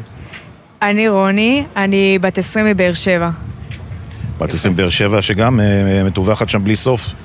נכון. את אגב בקשר עם ההורים כל הזמן ככה? כן, כן, ברור. בקשר עם ההורים כולם בסדר, הכל בסדר. כן, כן, הכל בסדר. תגידי, איפה, תספרי לנו ככה על היום הזה, על הסדר יום שלך, מתי זה תפס אותך? אוקיי, אני הייתי במשמרת לילה, והכל התחיל בעצם מדיווחים של שיגורים מאזור הרצועה לעבר ישראל, ותוך כדי שאנחנו מתפעלות בעצם את האירוע של הצבע האדום, אה, בקריות השליטה מזהות בעצם אה, כמה כלי שיט שעושים במהירות לעבר ישראל. ישר הכוונו את אה, כלי הבט"ש שנמצאים בים. ותוך כדי גם אה, דיווחנו אצלנו למפקדים הבכירים על האירוע שמתרחש, כדי להעביר הנחיות מהם לעבר הכוחות בים ובעצם לתפעל את האירוע. ואתן עובד, עובדות בעצם על, על, על, על אוטומט. אתן נכון. רואות את הכלים, אתן יודעות מה אתן צריכים לעשות, פועלות ישר ומעבירות את המידע הלאה. נכון, נכון, זה משהו שאנחנו כן מתורגלות. רגע, זה הפתיע אותך פתאום שאת רואה, זה פתאום קופצות לך עשרות מטרות על המסך? כן, המטרות זה כן מה שהפתיע אותנו. Uh, בהתחלה התפעול של הצבע האדום זה כן משהו שכבר יצא לנו לעשות. אז uh, זה תפעלנו כרגיל, והבנו יותר שאנחנו באירוע שהוא מסוג שונה, כשראינו את כל המטרות שעושות במהירות, כאילו, לעבר הגבול. מה קורה בקשר באותו זמן? מה, מה שומעים פחות או יותר? Uh, כן, בהתחלה היה לחץ בקשר, uh, כדי להבין את הסיטואציה, כדי להעביר את זה לכלים כמו שצריך. Uh, אבל uh, לאט לאט התחלנו כן לעבוד בקור רוח ולנהל את האירוע. אתן מבינות שאתן באירוע גדול. נכון, כן. אני חייב לשאול אותך, את, אה, את, אה, לא, לא, לא, לא ניכנס לפרטים מה את רואה ואיך את רואה, אבל שמענו קודם לכן את, אה, ממפקד הבסיס את אה, תיאור הקרב הזה לאורך אה, חוף זיקים, ואת, זאת אומרת, את, את בתוך בקרית שיטה, את מסמנת לעצמך עוד סירה ירדה, עוד סירה ירדה, עוד סירה ירדה? עוד מטרה ירדה, הכוונה. כן, זה התפקיד של אה, בקריות השליטה. הן אה, אחראיות לבנות לנו בעצם את התמונה הימית. תמונת מכ"ם. נכון, הן אחראיות אה, לבנות את התמונה הימית, הן בעצם אה, מגנות על הגבולות הימיים של מדינת ישראל, והן מעבירות לי את התמונה, אני מעבירה את התמונה למב"ס. לא, נגיד. אני מבין, אבל זה העיקרון. אני רוצה לשאול אותך על השבעה באוקטובר, שפתאום הוא אומר לך, אוקיי, ספינה, את הסירת, אה, הסירה הזאת שהולכת לאשקלון, הטבעתי. נכון. את ממש ככה, את עוקבת, את אומרת, ספינה אחרי ספינה ומורידה אותה. זה כמו מ- סלוטים כאלה, את פשוט מורידה את הסירה הזאת, היא כבר לא איתנו. כן, ככה העברתי את זה למב"ס. ממש כך. כן. אחד הוא השמיד, עוד אחת אה, מגיעה, ככה. ואת יודעת, את, אה, על כל דיווח כזה זה מה, זה תחושת הקלה? או שפתאום קופצת לך עוד מטרה אחרת? בטח לא היה זמן לתחושת הקלה בכלל. לא, הייתה, תחו- לא, היה, לא היה זמן, אבל אה, כן לאט לאט, אה, כאילו, כי גם הבאסה הייתי בקו חם, אז הוא לאט לאט כן אמר, אה, יופי, מעולה, כל הכבוד, זה כן משהו שהביא לתחושת הקלה, אבל לא היה לו יותר מדי זמן לחשוב. איך הגיבו. אגב, זאת אומרת, בכריות השליטה שפתאום מתרוממת להם כזאת פשיטה ימית משום מקום? אה, ברור שבהתחלה הם היו מאוד בלחץ. אה, זה משהו שהם לא פגשו מעולם. אה, בסדר גודל כזה הם לא פגשו. הם היו מאוד בלחץ, אבל כן התפקיד שלנו הקצינים ושל ה- של האחמ"שיות שהיו איתנו במשמרת, זה לדעת איך לתפעל את האירוע איתן ולהרגיע אותם ולהביא אותן ל- כאילו לתפעול של הצורה, כאילו של האירוע בצורה הטובה ביותר. כן, זה נראה שהשתלטתם על האירוע הזה, למרות שהייתה בסוף איזושהי חדירה שם לחוף זיקים. כן, שם אה. נרצחו ונטבחו אה, אה, למספר אה, גדול של אה, אנשים שחגגו על החוף. אני, אבל אני, אני רוצה רגע כן להחזיר אותך בחזרה לבוקר של השבעה באוקטובר. אה, כשאת רואה פתאום את כל המטרות האלה קופצות לך, את מבינה מה זה? מה הסוג מטרה? אה, לא, את, מבינה? את אומר- הסדר אה, גודל? כן, את אומרת, רגע, או, או שזה טעות, או שיש לי פה מלחמה? זה הפרעות במכ"ם אולי? זה הפרעות במצלמה? אה, לא הפרעות, אבל בהתחלה עדיין לא הבנו את הסדר גודל, עד שהם באמת התחילו להגיע מאוד קרוב לגבול. טוב, זה נשמע שהם עשו עבודה... כן, אה, תראה, יושבת. יושבת, אנחנו נמצאים ברדיו, אתם לא רואים את סגן משנה רוני. אמיר תמיד דואג לתאר. נכון, מי יושב מולנו? כן. מה, בסופו של דבר, למי אנחנו חייבים את התודה? אגב, יהיה לנו גם בדיגיטל לדעתי, נוכל אחר כך לראות... נכון, למי אה, אנחנו חייבים תודה? ל- זה נכון. לאנשים האלה אנחנו חייבים תודה. ואתה יודע, אנחנו עיתונאים ציניקנים, נכון, אמורים להיות ביקורתיים כל הזמן, אבל בוא, משהו קרה בשבעה באוקטובר, ויושבת מולנו... מישהי שניהלה את האירוע. יכול, כן, בגילי אני יכול להגיד, אתה יודע, אה, אה, אה, צעירה בת 20 ומשהו, שפתאום מבינה שהיא מנהלת מלחמה. ואתה יודע מה? וצריך להגיד את הדברים, צריך להגיד לאנשים האלה תודה. אני מקווה שאני מצליח להעביר למאזינים שלנו ברדיו את מה שאני אנחנו מרגיש. בכל מקרה אומרים תודה. ברור, ברור, כי אתה, אתה יודע, האחריות שיש להם, ותסכימי איתי, נכון רוני, תסכימי איתי, האחריות שיש להם, זה הכל טוב ויפה שאומרים לך אחריות בשגרה. נכון. ופתאום זה קופץ לך. נכון, נכון. זה מאוד, אה, זה נתן לנו להרגיש את המשמעות האמיתית של התפקיד שלנו. אנחנו תמיד יודעות שהתפקיד שלנו מאוד משמעותי ומאוד חשוב בהגנה לחופי מדינת ישראל, אבל אה, אני חושבת שהאירוע הזה זה כן משהו ש... שמאוד הדגיש לנו את זה. טוב, אנחנו נודה לך בשלב הזה, כי אנחנו רצים לכתבים שלנו אה, בתל אביב וגם בצפון, אה, קצת לשמוע ככה מה היה אחרי הירי שהיה אה, קודם. אה, סגן משנה רוני, אה, קצינת אה, שליטה של חיל הים. תודה רבה, ותמסרי גם. לבנות, שבטח, אני מקווה שהן שומעות את השידור. תודה רבה. מאיתנו ובאמת, מכל עם ישראל. זה לא, זה לא, זו לא קלישה, זה ממש מכל עם ישראל. תודה רבה. תודה רבה. אנה פינס, כתבתנו בתל אביב, שלום. כן, אה, שלום. באמת בהמשך אה, למסך הכבד לעבר אה, גוש דן, אזור השפלה אה, ואפילו השרון, אנחנו אה, יודעים לדווח על אה, אה, פגיעה ישירה בבית במושב אה, באזור השפלה, אה, לא נפרט אה, היכן בדיוק אה, פגע הטיל מטעמי אה, הצנזורה הצבאית, אבל כן נגיד אה, שזה מושב אה, לא רחוק מנמל התעופה בן גוריון, שם באמת אה, פגע טיל פגיעה ישירה בבית, ובאמת בזכות אה, העובדה שהתושבים שהיו בבית, שני אה, דיירים מבוגרים בשנות ה-70 לחייהם, נשמעו להנחיות פיקוד העורף, שהו במרחב המוגן והם לא נפגעו, למרות שהבית באמת אה, אה, נפגע קשה מאוד, נזק רב במקום. שני הדיירים בבית אה, לא נפגעו, שרפה פרצה אה, בחוץ, אבל צוותי הכיבוי וההצלה חילצו אותם, צוותי מגן דוד אדום שם העריכו אה, את מצבם הרפואי, אה, נתנו להם טיפול ראשוני, אבל באמת הם אה, יצאו כמעט ללא פגע, למרות שהבית ספג אה, פגיעה ישירה, עוד הזדמנות ככה לחזור על כמה הנחיות פיקוד העורף ממש אה, מצילות חיים אה, פשוטו כמשמעו. בנוסף, כן. אה, נפילה נוספת אה, באזור אלעד, שם לא נרשמו נפגעים בשטח פתוח. תודה, אנה פינס, אנחנו- אה, תודה כן. רבה. אנחנו מהשפלה רצים צפונה, הדר גיציס כתבנו בצפון, עדכון שלך על המטח האחרון? הדר, אתה איתנו? כן. הדר גיציס? אוקיי, כן, הדר, עדכון איתכם. שלך על המטח האחרון, יש לנו ממש 30 שניות. אנחנו מדווחים על שני אה, נפגעים קל ובינוני, כך על פי מגן דוד אדום כתוצאה מהנפילה בקריית אה, שמונה ואנחנו גם אה, מבינים שמדובר סך הכל ב-12 שיגורים לכיוון קריית שמונה. לפני כן נשמעה אזעקה גם באזור הגליל העליון אבל חלק מהרקטות יורטו על ידי מערכת כיפת ברזל וכאמור נפילה בקריית שמונה עם שני נפגעים זו תמונת המצב בזמן הקצר הדר גיציס, תודה רבה. אה, אנחנו כמובן, אה, אנחנו כבר לא נשוב אליך בתוכנית הזו, אבל תוכניות אחרות כמובן, אם יהיה צורך. תודה רבה לך. אה, תודה, הדר. אנחנו אנחנו מסיימים, סיימנו. אנחנו סיימנו את השידור הזה. עוד יומן ערב אחד שאנחנו בשטח, גלי כן. צה"ל בשטח, עם החיילים, עם הקולות. אני מקווה שהצלחנו להעביר לכם ככה קצת מעט מה... אה, יודעים מה, מהקולות של מי שאנחנו באמת חייבים להם תודה. והצלחנו עם, עם קצת להעלות ב, ב, ב, בתקופה הקשה הזו אה, אה, חיוך וגאווה. בהחלט. אני מקווה. זה היה, זה קרה אני, כאן. מקווה, אני מבטיח דבר אחד, שרן ואני נמשיך לנסות, גלי צה"ל תמשיך לעשות את זה. זהו, אז אנחנו אה, נפרדים כאן, אמיר. כן. אה, כל אחד איש איש נוסע לדרכו, מקווים שיהיה ערב שקט יותר מאשר היה אה, קודם לכן, העורך הראשי של יומן סיכום השבוע. אה, רועי ולד, הפיקה מאי נבון, הפיק באולפן לירון מטלון, על הביצוע הטכני בן שני, עורך הדיגיטל אה, רן לוי, תודה גם לניקולאי אקינו, הנהג אה, שלנו, אה, צור ירוקח, אה, המפיק של גלי צה"ל, אה, כן. שירים את כל הדבר הזה. לא רק את זה, גם את כל המאולפנים שלנו. כל. האולפנים תודה, צורי. מאז, מאז תחילת המלחמה, מיד אחרינו קולה של אימא. אמיר, תודה. תודה, רן.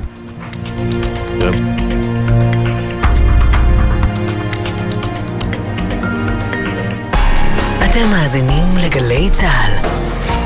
אם נאלצתם לעזוב את ביתכם בימים קשים אלו, חשוב לנו להיות איתכם בקשר ולהגיע עם השירותים והסיוע הנדרשים עד עליכם. לכן, הקמנו את יחד, מערכת דיגיטלית מאובטחת. תוכלו לעדכן בה את מיקומכם ואף את הצרכים המיידיים שלכם בתחומי הבריאות, החינוך, הרווחה והקליטה, ובקרוב גם בתחומים נוספים. היכנסו ל-MyGov או ל-gov.il, מלאו שאלון קצר וספרו לנו היכן אתם ואיך נוכל לעזור. מתאחדים למענכם לסייע בכל מקום ובכל זמן.